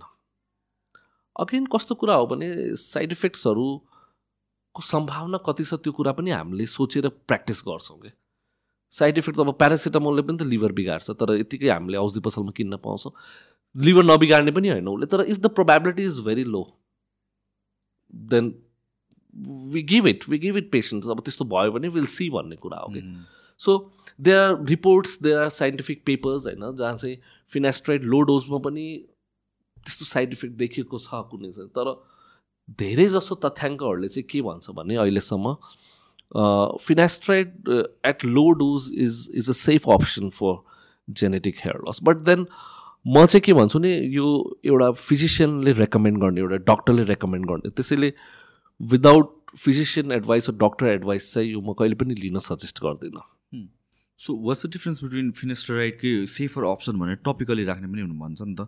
जस्तो कि मिनोक्सिडिलमा पनि you get a variation of minoxidil जुनमा चाहिँ फिनेस्टराइड हुन्छ। होइन? So is it as effective as the one you take orally finasteride हेर्नुहोस् it is available definitely it is available as a liquid formulation also होइन pharmaceutical कम्पनीहरूले त बनाइदिन्छ तर वैज्ञानिक रूपमा फिनेस्ट्राइडले झोलमा काम गर्छ भनेर अहिलेसम्म त्यति प्रुभन छैन मिनोक्सिडिल डेफिनेटली झोलमा पनि काम गर्छ ट्याब्लेटमा पनि काम गर्छ तर फिनेस्ट्राइड प्रडक्ट्सहरू चाहिँ पाइरहेको छ है अब टिल नाउ तथ्याङ्कहरूले अब एभिडेन्स रिसर्चले चाहिँ के देखाउँछ नि फिनेस्ट्राइडको लिक्विड फर्मुलेसन्सहरूले चाहिँ त्यति काम गर्दैन। तर अब धेरै जस्तो पाउने प्रडक्टमा मिनोक्सिडिल पनि मिक्स हुन्छ। सो एक्चुअली मलाई चाहिँ के लाग्छ काम चाहिँ मिनोक्सिडिलले गरिरहेछ सो पेसेन्टले सोध्छ म फिनास्टेट भएको किन कि नभएको किन भने अब मेल पेसेन्टलाई मैले भन्छु मिनोक्सिडिल हुनु पऱ्यो rest is your choice because I believe कि finasteride but then if you think it's helping you the is no harm applying it होइन? त्यस्तो हार्म त छैन तर इट्स यर चोइस सो अब नाउ टक अबाउट हेयर ट्रान्सप्लान्टकै कुरा गर्दाखेरि सबैलाई हुन्छ कि there is a requirement there is a condition certain kind of मान्छेलाई वर्क गर्छ सर्टन मान्छेलाई काम गर्दैन भनेर। Just like were tongue about like minoxidil फिनोस्ट्राइडहरूको कुरा पनि सबैलाई नहुनसक्छ भनेर भन्छौँ। हेयर ट्रान्सप्लान्टको केसमा चाहिँ के हो? सी हेयर ट्रान्सप्लान्टको कन्सेप्ट चाहिँ के छ भने तपाईँले पर्मानेन्ट कपाललाई झिकेर तालुपन भएको भागमा राख्छ राख्नुहुन्छ राइट सो सबैलाई हुने नहुने डेफिनेटली सबैलाई हुन्छ भन्ने पनि छैन। इट इज भेरी इम्पोर्टेन्ट कि हामीले डिमान्ड सप्लाई म्याच चाहिँ हुनु पऱ्यो मानौँ कसैको तालुपन एकदम ठुलो छ। एरिया ता ठुलो छ तर जुन डोनर एरिया जहाँबाट हामीले कपाल झिक्छौँ त्यो चाहिँ थोरै छ। त्यहाँबाट हामीले जुन कपाल त्यो ज त्यहाँबाट कपाल झिकेर पनि हामीले त्यो कभरै गर्न सकेनौँ भने त्यस्तो पेसेन्टलाई मिल्दैन। अब कुनै मेडिकल कन्डिसन त्यस्तै छ कि जुनमा गर्नै मिल्ने त्यस्तो पनि हुन्छ। सो त्यो डेफिनेटली त्यो चाहिँ दे अलवेज अ निड कि हामीले क्यान्डिडेट्स चाहिँ सेलेक्सन राम्ररी गर्नुपर्छ। कप तालुपन भ छ भन्दैमा पनि ट्रान्सप्लान्ट गर्न नमिल्न पनि सक्छ। अब त्यसमा डोनर एरियाको क्वालिटी हुन्छ त्यसको क्वान्टिटी हुन्छ सबै कुरा चाहिँ इभ्यालुएट गर्नुपर्छ है। तालुपन भएको भाग कस्तो छ छाला कस्तो छ एज कस्तो छ पेसेन्टको कति सेसन्सहरू चाहिन सक्छ त्यो सबै कुराहरू चाहिँ इभ्यालुएट चाहिँ गर्नुपर्छ। तर मेरो अब तालुपन छ भन्दै म ट्रान्सप्लान्ट सबै केसमा गर्नुपर्छ भन्ने पनि चाहिँ इनफ्याक्ट इभन क्लिनिकमा आउने हामीले अस्ति यो डेटाहरू इभ्यालुएट गर्दैथ्यो हामीले लगभग बाह्र तेह्र पर्सेन्ट पेसेन्टको चाहिँ हाम्रो लास्ट फाइभ इयर्सको डेटामा हामीले गर्न मिल्दैन भनेर पनि फर्काएको छ। अब कसैको मेडिकल रिजन्स हुनसक्छ अनकन्ट्रोल्ड कुनै डायबिटिज हुनसक्छ अनकन्ट्रोल ब्लड प्रेसर अरू कुनै रोग हुनसक्छ अर कपाल डोनर एरिया जहाँबाट झिक्छौँ त्यसको क्वालिटी नै राम्रो छैन तालु पनि ठुलो छ कपाल पुगिरहेको छैन होइन। सो यस्तो कुराहरू छ जुन चाहिँ हामीले इभ्यालुएट गर्नुपर्छ र देन ओन्ली हामीलाई थाहा हुन्छ कि त्यो केस गर्न मिल्छ कि नै भनेर। डक्टर सर हामीसँग सुशीलजी पनि हुनुहुन्छ। उहाँको रिसेन्ट केस भएको रहेछ हेयर ट्रान्सप्लान्टको तपाईँकोमा। सो उहाँको बारेमा एकचोटि भनिदिनु के कस्तो थियो खासमा केस? सुशीलजीलाई मैले भेटेको लगभग डेढ महिना जस्तो डेढ दुई महिना अगाडि भेटेको थिएँ होइन? सो कन्सल्टेसनको लागि आउनुभएको थियो मेरोमा। हामीले लगभग एक महिना भयो उहाँको ट्रान्सप्लान्ट गरेको। सो अब टेक्निकली नै कुरा गर्ने हो भने जस्तै केसको बारेमै कुरा गर्ने हो भने हाम्रो राम्रो नराम्रो पोइन्ट्सहरू पनि थियो उहाँको केसलाई यसरी इभ्यालुएट गर्दा चाहिँ एउटा चाहिँ बल्ड एरिया चाहिँ ठुलो थियो है? जुन तालुपनको भाग चाहिँ ठुलो थियो पुरै चिल्लो चाहिँ थिएन अलिअलि मसिनो कपालहरू थियो अलि अलिअलि कुनै कुनै ठाउँ अलि बाक्लो कपालहरू पनि थियो हामीले राम्ररी इक्जामिन गर्दाखेरि तर सबैभन्दा अलिकति कम्प्लेक्स कुरा चाहिँ के थियो भने तालुपन भएको भाग ठुलो थियो। अब त्यस्तो केसमा चाहिँ के हुन्छ भने हुनसक्छ हामीलाई हामीलाई लाग्थ्यो कि पछाडिबाट जुन टाउको पछाडि र साइडबाट मात्र कपाल पुग्दैन। किन जति ठुलो तालुपन भयो त्यति धेरै कपाल चाहिने हुन्छ। र हामीले कपाल झिक्दाखेरि डोनर सबै कपाल त झिक्न सक्दैनौँ। हामी हामीले झिक झिकेपछि त्यो डोनर एरिया पातलो देखिनु भएन किनभने झिकिसकेको कपाल फर्केर आउँदैन। अब फर्चुनेटली उहाँको दाडीको कपाल पनि राम्रो थियो। सो वी डिसाइडेड कि हामीले दाडीको पनि झिक्नु पऱ्यो भने हामी झिक्छौँ। तर तालु पनि ठुलो थियो र पुरै चिल्लो नभएपछि हामीले जुन एक्जिस्टिङ कपालहरू थियो जुन पहिलादेखि जुन कपालहरू थियो अब त्यो कपालहरूलाई पनि बचाउँदै लानुपर्छ है। त्यो कपालहरूलाई हामीले रोप्ने बेला ड्यामेज गर्न मिल्दैन। सो अब एउटा लामो केस भएकोले धेरै ग्राफ्ट चाहिएकोले प्रोसिजर पनि हामीले लगभग दुई दिनमा लगभग छ हजार सात सय जति ग्राफ्ट रोप्यौँ। सो दाडीबाटै हामीले लगभग पन्ध्र सय जति झिक्नु पऱ्यो र around like fifty two hundred पाँच हजार फिफ्टी टू हन्ड्रेड जति चाहिँ हामीले टाउको स्क्याल्पबाटै झिक्यौँ है। सो प्रोसिजर चाहिँ लामो थियो। हामीले टु फुल डेज जस्तो लाग्यो लगभग लगभग एक दिनमा हामीले ब्रेकहरू सबै काउन्ट गरेर आठ दस घन्टा चाहिँ अपरेट गऱ्यौँ है। तर thanks to Sushilji was very cooperative throughout the procedure होइन सो दुई दिनपछि चाहिँ दुई दिनमा चाहिँ हामीले सिक्सटी सेभेन हन्ड्रेड जति ग्राफ राखेर प्रोसिजरलाई पुरै सकेर हामीले पुरै एरिया कभर गऱ्यौँ। सो ट्रान्सप्लान्टको पनि डिफ्रेन्ट टेक्निकहरू हुन्छ. हामीले लास्ट टाइम पनि आई थिङ्क डिस्कस गरेको थियो अलिकता. सो उहाँको केसमा चाहिँ लाइक इन जेनरल नै लेट्स डिस्कस अबाउट ट्रान्सप्लान्टको different टेक्निक्सहरू and then we can discuss about उहाँको चाहिँ कुन चाहिँ थियो। सो हामीले अब मैले चाहिँ प्राय गर्ने भनेको डाइरेक्ट हेयर ट्रान्सप्लान्ट टेक्निक हो होइन? अब ट्रान्सप्लान्ट चाहिँ कस्तो हुन्छ नि टेक्निकली धेरै इभल्भ भयो कि विथ टाइम मैले जब सुरुमा मैले बाह्र तेह्र वर्ष अगाडि जब मैले आफ्नो करियर सुरु गरेको थिएँ। मैले एउटा सबैभन्दा पहिला सुरुमा आएको टेक्निक चाहिँ एफयुटी टेक्निक हुन्छ। हेर्नुहोस् ट्रान्सप्लान्ट भनेको कस्तो भने एक ठाउँको कपाल झिक्ने डोनर एरियाको र तालुपन भएको भागमा राख्ने अब यो झिक्ने जुन झिक्ने तरिका हुन्छ त्यो दुईवटा टेक्निकमा डिभाइड हुन्छ। एउटा एफयुटी फलिकुलर युनिट ट्रान्सप्लान्ट र एउटा अर्को एफयुई सो एफयुटीमा चाहिँ के हुन्छ भने हामीले त्यो झिक्ने बेला त्यो पछाडिको पुरै एउटा स्ट्रिप काट्छौँ कि। ठुलो एउटा स्ट्रिप काट्छौँ त्यो स्ट्रिपबाट चाहिँ कपाल छुट्याउँछौँ र कपाल छुट्याइसकेपछि त्यो तालुपन भएको भागमा हामीले रोपिदिन्छौँ। मेन प्रब्लम चाहिँ के हुन्छ भने त्यो स्ट्रिप झिकेको ठाउँ चाहिँ हामीले क्लोज गर्नुपर्छ टाका लाउनुपर्छ। अब धेरै कपाल झिकेको छ भने लगभग हामीले बिस पच्चिसवटा टाका पनि लाउनुपर्छ कतिचोटि। सो मेन प्रब्लम चाहिँ के छ भने एफयुटी टेक्निक भनेको ठुलो घाउ बस्छ गर्ने बेला पनि एकदम धेरै ब्लिडिङ हुन्छ किनकि घाउ ठुलो त्यो स्ट्रिप झिकेको हुन्छ। स्क्याल्पबाट यत्तिकै ब्लिडिङ धेरै हुन्छ। अब घाउ ठुलो भएपछि के हुने भयो त? पछि इन्फेक्सन हुने चान्सेस दुखाइ डिप पनि हुन्छ घाउ होइन? त्यो स्ट्रिप पनि हामीले मोटै झिक्नुपर्छ ब्लिडिङ हुन्छ घाउ जति ठुलो भएपछि इन्फेक्सन हुने चान्सेस र हामीले टाका लाउनुपर्छ। टाका लगाएपछि पनि अब त्यो पे प्रोसिजर पेनफुल हुन्छ तपाईँको लगभग लगभग वान टू विक्ससम्म पेसेन्टलाई अलिकति पेन चाहिँ अलिकति हुन्छ कि? धेरै रेस्ट्रिक्सन्सहरू पनि हुन्छ। पछि त्यो टाका हामीले खोल्छौँ टाका खोलिसकेपछि एउटा त्यो पर्मानेन्ट त्यो दाग बस्छ कि देखिने गरिने। तपाईँले लामो एउटा लाइन बस्छ है। सो एफयुटी प्रोसिजर पनि अब राम्ररी गर्नेहरूले रिजल्ट चाहिँ राम्रो दिन सक्छौँ तर the possibility of side effects are more in this technique र कस्मेटिक कुरा भइसकेपछि मान्छेले अलि सजिलो कुरा खोज्छ कि। जति प्रोसिजर सजिलो हुँदै गयो मान्छेले त्यो एक्सेप्टेन्स हुन्छ कि। ल हो सजिलो रहेछ म गराउँछु। अब त्यहाँ त्यत्रो घाउ बसेछ टाका लाउनु परेछ। आफ्नो नर्मल एक्टिभिटिजहरू नै एक दुई हप्ता गर्न सकेको छैन। प्लस भोलिपछि इन्फेक्सन पनि हुने चान्सेस हुन्छ घाउ ठुलो छ होइन। सो त्यस्तो केसमा चाहिँ एफिटीले त्यति पपुलरिटी पाएन कि। सो एफिटीले पपुलरिटी नपाएपछि देन एउटा नयाँ टेक्निक आयो। Follicular unit excision follicular unit excision भनेको एफयुई भन्छ। यो टेक्निकमा चाहिँ झिक्ने काम सजिलो हुन्थ्यो। त्यो स्ट्रिप झिक्नु पर्दैन थियो। हामीले इन्डिभिजुअली कपाल झिक्थ्यौँ क्या ग्राफ्ट झिक्थ्यौँ पछाडिबाट। सो झिकेको ठाउँमा एउटा सानो दुलो मात्र बस्थ्यो। त्यो चाहिँ अब आजकल त अब zero point eight five mm zero point nine एमएमको दुलो बस्छ होइन? है? त्यो स्ट्रिप त अब तपाईँको लगभग तिन चार सेन्टिमिटर चौडा हुन्थ्यो र पन्ध्र बिस सेन्टिमिटर लामो स्ट्रिप पनि हुन्थ्यो अब एडभान्स केसेसहरूमा एफयुटीमा चाहिँ। सो एफयुटीमा एउटा सानो दुलो बस्छ त्यसमा टाका साका लाउनु पर्दैन। त्यो आफै दुई चार दिनमा त्यो पुरेर हिल हुन्छ।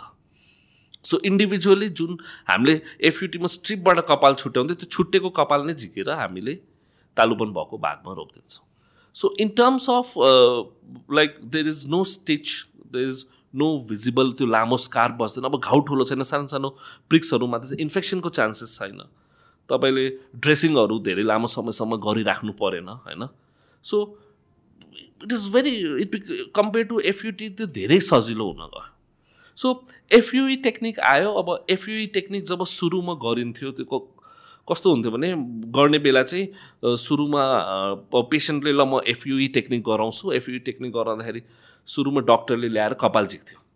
कपाल झिक्थ्यो कपाल झिकिसकेपछि त्यसलाई अब बाहिर हामीले स्टोर गरेर राख्थ्यौँ होइन?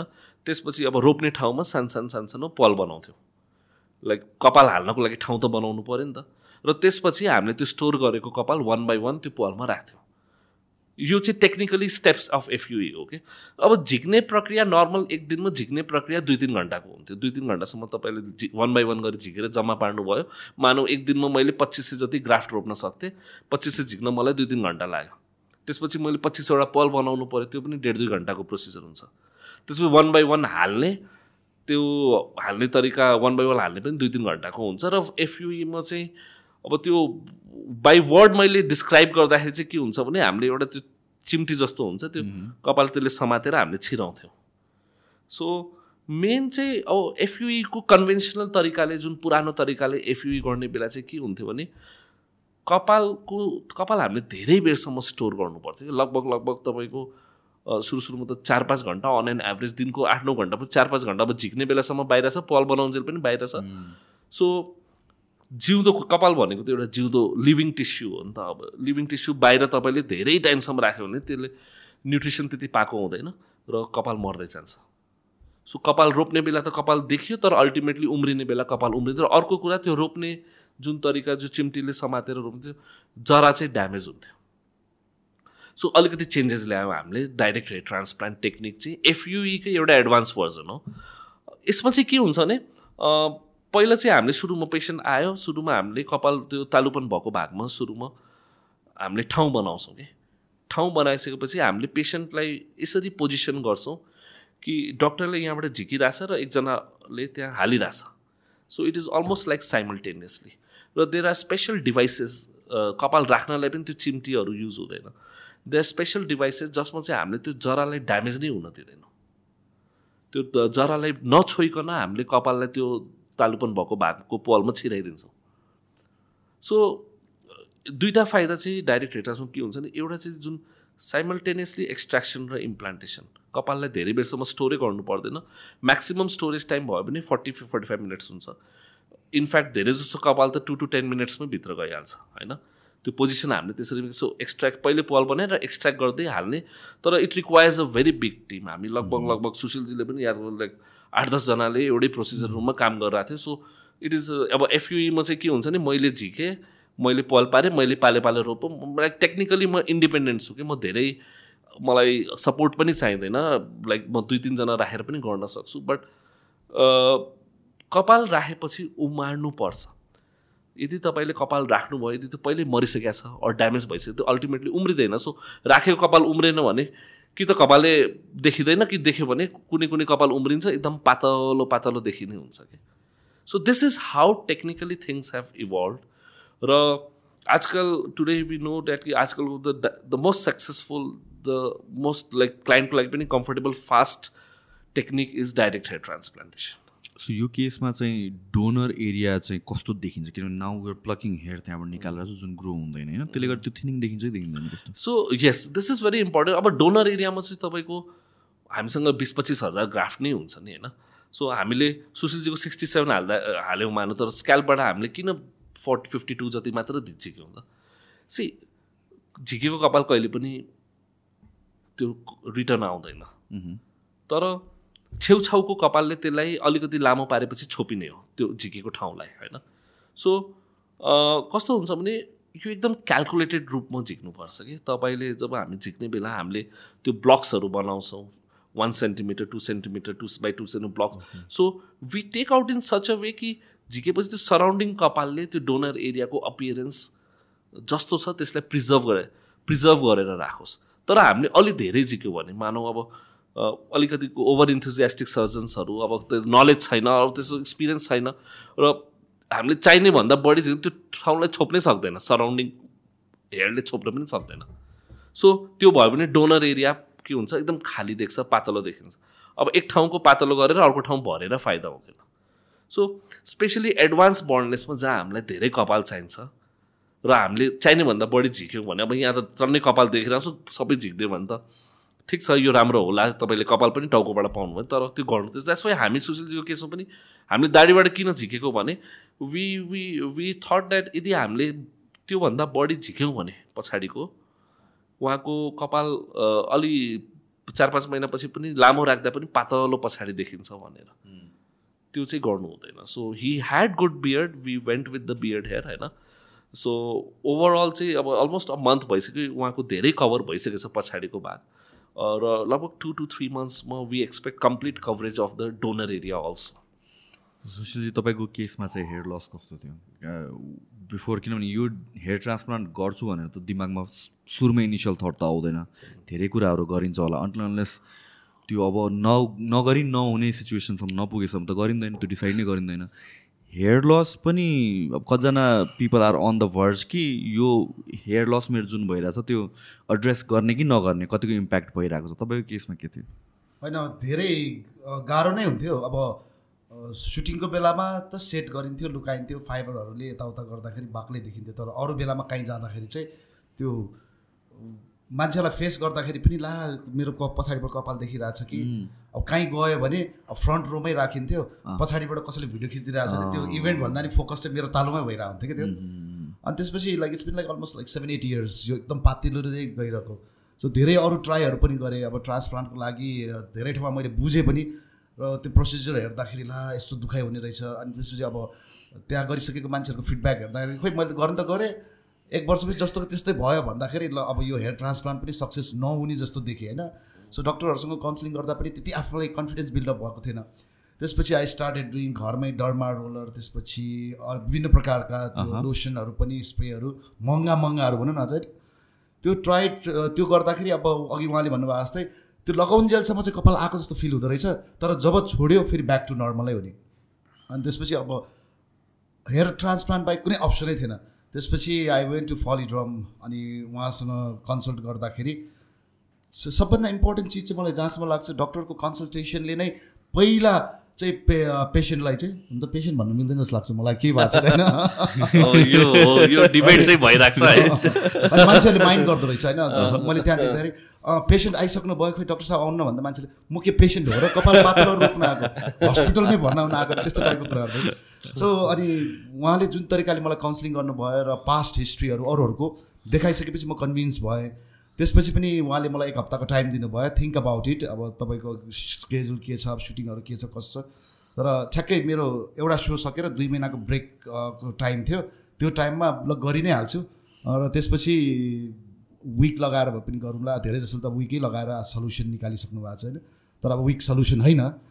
अनि त्यसपछि आई डिसाइडेड अनि त्यसपछि त्योभन्दा अगाडिको विभिन्न कुराहरू भयो जस्तै अब हाम्रो ब्लड चेकदेखि लिएर गएर उहाँले अब मेरो कुनै मेडिकल हिस्ट्री त्यस्तो केही छ कि छैन सबै बुझिसकेपछि even on the day of transfer उहाँले फेरि एकचोटि सोध्नुभयो are you ready then I said yes I have त्यसपछि गरियो तर काउन्सिलिङको टाइममा पनि अब तपाईँको दुई दिन लाग्छ है भन्दाखेरि आई थट लाइक अब काहीँ दसैँ मिनट खाली बस्नु पर्दा त कस्तो बोर हुन्छ। सो दुई घन्टा मतलब दुई दिन। दुई दिनसम्म। आवर्स एन्ड आवर्स कसरी टाइम स्पेन्ड गर्ने भन्दा चाहिँ त्यहाँ गएपछि टाइम बितेकै थाहा नहुने रहेछ। लाइक म मजाले मैले म पिक्चरमा छ मैले लिइरहेको छु। सो सुरुमा त म पोस्ट गर्दिनँ पनि भनिरहेको थिएँ। तर आई फिल सो एक्साइटेड क्या त्यो म त्यहाँ ट्रान्सप्लान्टको स्टार्टिङ गर्दा गर्दा नै मैले फेसबुकमा पोस्ट पनि गरेँ कमेन्ट पनि हेर्दै थिएँ मान्छेहरूसँग च्याट पनि गर्दै थिएँ कङ्ग्रेचुलेसन्सहरू पनि पाएँ। र अब मान्छेहरूमा एउटा रङ कन्सेप्ट पनि कस्तो रहेछ भने हेयर ट्रान्सप्लान्ट गर्ने भनेको चाहिँ बजारबाट चाहिँ कपाल किनेर ल्याएर रोप्ने भन्ने पनि रहेछ होइन? त्यो पनि मैले मान्छेहरूलाई बुझाएँ। तपाईँले चाइनिज कपाल रोप्नु भयो कि इन्डियन रोप्नु भयो कि त्यस्तो सोध्थ्यो मान्छे त्यो त पोसिबलै नहोला है अरूको किनभने लाइक बडीले नै एक्सेप्ट गर्छ गर्छ इफ त्यो पोसिबल नै हुने भयो भने एक त हामी टाइमको कुरा गरिरहेको छौँ यहाँ। होइन कि तिन चार घन्टा त हुँदैन हुन्छ तिन चार घन्टामा कसको टगट निकालेर ल्याएर राख्ने त्यो पोसिबलै भएन। त्यही पनि एक्सेप्ट गर्दैन त्यसो त्यो त अब हाम्रो बडीले नै रिजेक्ट गरिदिन्छ अहिलेसम्म ट्रान्सप्लान्टमा गर्ने भनेको हामीले अटोग्राफ्टिक नै हो होइन? आफ्नो नै गर्ने हो। डेफिनेटली अब बाहिरको कुरा हामीले राख्यो भने बडीको इम्युन सिस्टमले डिटेक्ट गरेर रिजेक्सन चाहिँ गरिदिन्छ। अब इम्युन सिस्टमलाई डाउन गरेर त्यो कपाल रोप्ने कुरा आएन होइन? It's not as important than यो इम्युन सिस्टम अब लिभर किडनी गऱ्यो भने त इम्युन सिस्टमलाई डाउन गर्ने औषधिहरू चल्छ। Hmm. अरूकै राख्यो भने तर कपालको लागि कपाल पनि रोप्यो अरूको र त्यो त्यस्तो डेन्जरस औषधिहरू राखेर immune system down it doesn't make sense होइन? सो ट्रान्सप्लान्टमा वी स्टिल रेकमेन्ड कि आफ्नै कपाल युज गर्नु। सिन्थेटिक बायोफाइबर्सहरू आएको थियो बिचमा। अहिले पनि धेरै जसो कन्ट्रीमा कसै कसै like this these are available होइन? लाइक आर्टिफिसियली म्यानुफ्याक्चर्ड हेयर जुन चाहिँ ट्रान्सप्लान्ट जस्तै छिराउने। With root and everything root भने पनि अब त्यो सिन्थेटिक हो। त्यो। ग्रो हुँदैन। तर मैले पनि दिल्लीमा दुई चारवटा दिल्ली हुने बेला मैले दुई चार पेसेन्टमा त्यो बायोफाइबर ट्राई गरेको थिएँ एउटा सानो एरियामा। तर दुइटा चार तिन चारवटा पेसेन्टमा दुइटालाई त्यो रियाक्सन भएको थियो। कम्पनीले चाहिँ क्लेम गर्छ the chances of reactions are less. तर अब त्यो तपाईँको बाहिरको कुरा तपाईँको छालाभित्र छिरिरहेछ भने एलर्जीको समस्याहरू त्यो त्यस्तो हुनसक्छ सो मेरो एक्सपिरियन्स चाहिँ त्यति राम्रो भएन। अर्को बायोफाइबरको डेफिनेटली प्रब्लम के छ भने त्यो बस्छ त्यो एउटा फिक्स लेन्थमा बस्छ। र विथ टाइम त्यो बडीले अलिअलि उसलाई रिचेक गर्छ फेरि थपिराख्नु पनि पर्छ। मैले चाहिँ त्यति प्रेफर गर्दिनँ बायोफाइबर लाइक मैले पनि त्यस्तो बायोफाइबरमा राम्रो पोजिटिभ एक्सपिरियन्स भएको मान्छेहरू त्यस्तो भेटाएको चाहिँ छैन। स्टिल अब maybe I need to talk to someone who has done a lot of cases with biofibre होइन। सो जस्तो कि ट्रान्सप्लान्टकै केसमा तपाईँको पनि like your very vocal about यो हेयर ट्रान्सप्लान्ट एउटा स्टिगमा छ नि त कि हेयर ट्रान्सप्लान्ट भनेपछि लुकाउने छ एउटा अब सबैजनाको आफ्नो आफ्नो कुराहरू पनि हुन्छ होइन त्यो हिसाबले। तर तपाईँ कस्तो मजाले ओपन अप होइन मैले सुरुमा मैले भने नि म सुरुमा उहाँहरूसँग गर्दाखेरि चाहिँ तपाईँको फोटोहरू हामीले युज गर्ने नगर्ने म कसैलाई देखाउन तर I thought like I'm party animal सधैँ पार्टी गरेर आउँछु फोटो खिचिहाल्छ किन कपाल काटेको र किन ट्रान्सप्लान्ट गरेर सोधिहाल्छ। सो त्यो पार्टमा म कम्फर्टेबल किन भयो भन्दाखेरि मान्छेहरूमा यो अवेरनेस पनि जानु पर्दो रहेछ कि? अब राइट ह्यान्ड्समा पऱ्यो भने hair transplant is the best solution अब सधैँ त्यो कपाल लुकाएर बस्नुभन्दा चाहिँ हेयर ट्रान्सप्लान्ट गरे अब मैले सोचेको थिएँ दस बाह्र दिन गाह्रो होला तर ट्रान्सप्लान्ट गरेको दुई दिन घर बसेँ त्यसपछि त थर्ड डेदेखि म काम पनि कन्टिन्यू गर्न थालेँ त्यसपछि थोरै थोरै पार्टी पनि गर्न सुरु गरिहालेँ होइन? सो मान्छेहरूमा यो अवेरनेस चाहिँ जानु जरुरी रहेछ कि? ला म तालु थिएँ अब कपाल बिफोर एन्ड आफ्टर देखाउँदाखेरि लाज हुन्छ भन्ने जस्तो जुन मान्छेहरूलाई मिसकन्सेप्ट थियो त्यो चिजलाई चाहिँ अब म आफूले एज अ मिडिया पर्सन गर्दाखेरि चाहिँ यो नर्मल मान्छेहरूलाई पनि सजिलै हुन्छ जस्तो लागेर मैले ओपनली नै गरेँ मैले भने म वेन यु स्टार्टेड ट्रान्सप्लान्ट एक घन्टा नभइकन मैले पोस्ट गरिदिएँ। त्यहाँ नै उहाँ चाहिँ हो लाइक वी हामीले धेरै कम भेटाउँछौँ patients who are so and specially अब उहाँ चाहिँ his into movie industry everybody knows him people सबैले प्राइभेट राख्न खोज्छ र यो उसको अधिकार पनि हो पेसेन्टको अधिकार पनि हो। लाइक आइम सरप्राइज सुशीलजी चाहिँ सुरुदेखि नै लाइक उहाँ सुरुमा चाहिँ हि वाज हेजिटेन्ट तर ट्रान्सफर सुरु हुनु बित्तिकै आई डोन्ट नो के भयो तर he was very open very open आज this is the most important thing हेर्नुहोस् फर द फर पर्सपेक्टिभ किन कतिजना मान्छेको मनमा डर हुन्छ कि? र टाउको भनेपछि मान्छेले ब्रेन मात्र बुझ्छ। ब्रेन मात्र बुझ्छ ओहो यो ट्रान्सप्लान्टको बारेमा अहिले पनि त्यति अवेरनेस नेपालमा राम्ररी सुरु भएको आठ वर्ष सात आठ वर्ष त भएको छ। त्योभन्दा अगाडि त त्यति रूपमा त्यति त्यसरी सुरु पनि भएको थिएन। तर अहिले पनि अवेरनेस छैन कि? लाइक मान्छे एकदम they are affected by baldness hair loss तर डर छ कि? स्टिगमा धेरै छ. त्यो छ र उनीहरू त्यो टलरेट गरेर बसिरहेछ कि? आफ्नो they are not liking them self तर अब सुशील जस्तो एज अ क्रेडिबिलिटी भएको मान्छे who knows everyone knows him त्यस्तो मान्छेले आएर बोल्नु भनेको like at least some people will realise or they will just dare to attempt to know more about it कि is it uh, they will ask they'll come to clinic is it safe is it effective i have seen somebody very uh, a famous personality doing it so this is very important अनि योभन्दा राम्रो त केही पनि हुँदैन when पेसेन्टले नै आफ्नो journey share गर्छ। हामी as a doctor as a clinic provider हामीले सेयर गर्नुभन्दा पनि यदि पेसेन्टले आफ्नो जर्नी सेयर गर्छ भने यो पर्सपेक्टिभ पेसेन्ट्स र क्लाइन्ट्सहरूको लागि एउटा इन्सपिरेसन जस्तो हुन्छ कि होइन? किनभने त्यो ब्यालेन्स हुन जरुरी छ कि अब यदि if baldness is affecting you अफेक्टै गरेको छैन भने त्यो त्यो मान्छेहरूलाई चाहिँ केही छैन तर if it is affecting you and if there is a simple solution available and safe and effective then उनीहरूको लागि त राम्रो कुरा हो नि त होइन? र it is a big call पेसेन्टलाई पेसेन्टहरूलाई पनि ठुलो कल छ लिनको लागि। अनि फेरि कतिपय मैले मेरै साथीहरू पनि देखेको छु कि अब चाहेर पनि उहाँहरूले ट्रान्सप्लान्ट किन गर्नु भएन भने सर्कलमा अरू कसैले हो, गरेको हेर्दाखेरि। एक वर्षमा फेरि जस्तोको त्यस्तै हुन्छ भने चाहिँ किन गर्ने किन पैसा खर्च गर्ने किन दुःख लिने भनेर उहाँहरूले चाहिँ बालै भएन भनेर चाहिँ सेभ गर्न थाल्नुभयो। अनि त्यो चिज पनि म सोचिरहेको थिएँ। हाउ लाई लुक अब अब सोको लागि गरिराख्नुपर्छ। सो उहाँको कन्सल्टिङ पछि चाहिँ मैले आई डिसाइडेड ल म त रोप्छु नै। किनभने म पुरै चिन्डे भएर चाहिँ म सो चलाउँदिनँ। सो यो गरिसकेपछि अनि जसरी मैले ओपनली आउँदाखेरि म कतिपय अब मार्टहरूमा जाँदाखेरि मान्छेहरूले अब मेरो सायद अब मेरो फेसबुकबाट इन्स्टाबाट हेरेर पनि सक्छ उहाँहरूको प्रमोसनबाट हेरेर सक्छ। नचिनेको मान्छेहरू पनि आएर त साँच्चै गर्नुभयो तपाईँले सक्सेस हुँदो रहेछ नेपालमा भनेर सोध्नेहरू धेरै भेटाएँ मैले। इभन लाइक म एउटा लन्चको मेरो पिक्चर देखेर त्यहाँ दुई तिनजना भाइहरू पनि आएर चाहिँ वेट गरेर मलाई भेटेरै सोध्नुभयो छामेर हेर्नुभयो। होइन साँच्चै तपाईँले गर्नु नै भयो भनेर उनीहरू चाहिँ त्यसरी आएर पनि सोध्नुहुन्छ कि? नेपालमा मैले भने नि दसवटामा मैले बुझ्दाखेरि लगभग छ सातवटा प्र्याक्टिस चाहिँ रङ प्र्याक्टिस भइरहेको रहेछ अनि त्यसले चाहिँ गलत मेसेज पनि गइरहेको छ कि. हेयर ट्रान्सप्लान्ट सक्सेस हुँदैन भन्ने कुरा। यो सेफ्टी एफिकेसी र फाइनेन्सको कुरा पनि छ एउटा साइडमा तर आई थिङ्क त्योभन्दा most bigger problem at times के भइदिन्छ भने यो स्टिकमा एसोसिएटेड विथ इट म हेयर ट्रान्सप्लान्ट गरेको भनेर भनौँ कि नभनौँ या भन्छ त्यो प्रोसेसमा अन्डर गो गरौँ कि नगरौँ नट यो यो यो एफिकेसीमा कन्भिन्स छु म होइन? यो अरू सबै कुरामा कन्भिन्स भएपछि पनि त्यो एउटा त्यो स्टिग्माको कारणले किनभने लाइक नाउ अहिलेको सिचुएसन के छ? किनभने ग्लोबली कुरा गर्दाखेरि वेन इट कम्स टु सर्जरिजहरूको कुराहरू गर्दाखेरि यताउति त्यो अलिक मोर एक्सेप्टेड भइरहेको छ अहिले होइन? ब्युटी इन्डस्ट्रीमा हेयर ट्रान्सप्लान्टको केसमा के छ? र ग्लोबली र स्पेसली नेपालको कन्टेक्समा कस्तो छ अहिले? पहिलाभन्दा स्टिकमा कम छ कि कि उस्तै नै लाइक रिलेटेड टु कपाल कपाल मैले रोप्ने हो भनेर भन्न लाज लाग्नु कि? सी यो त पर्सनल चोइस हो नि. लाइक कसैले भन्ने नभन्ने त उसको अधिकार हो. It's right to their privacy होइन? सो फर मी थाहा पाउला नै भन्ने। मैले कपाल रोपेको थाहा पाउला भन्ने। एउटा हुन्छ नि होइन त्यो भित्र होइन अब मेरो आफ्नो मैले रोपेको एक्सपिरियन्समा चाहिँ रोप्नु अगाडि ला म कसरी लुकाउँछु? हो एक्ज्याक्टली मैले त्यो भन्नु खोजेँ तर भन्नु खोजेँ। गरिसकेपछि मलाई ओपनली मलाई चाहिँ खुलेर चाहिँ मान्छेलाई भन्न चाहिँ झन् रमाइलो लागिरहेको छ कि अहिले। किनभने क्राइम गरेको होइन। ट्रु सानो डिफेक्ट हो जेनेटिक डिफेक्ट मेरो बाउको थियो मेरो बाजेको पालो थियो उहाँहरूको पालोमा यो अप्सन थिएन उहाँहरूले रोप्नु भएन। मेरो पालोमा अप्सन छ अहिले डु मेरो लागि चाहिँ के हुन्छ भने यो पेसेन्टको अधिकार हो होइन? म आई डोन्ट माइन्ड है? अब thanks to Sushilji he is sharing his story openly but those who want to keep it private I have equal respect for them होइन? किन यो तपाईँको अधिकार हो नि होइन? र हामीले यो कुरा कन्सल्टेसनको बेला पनि भन्छौँ।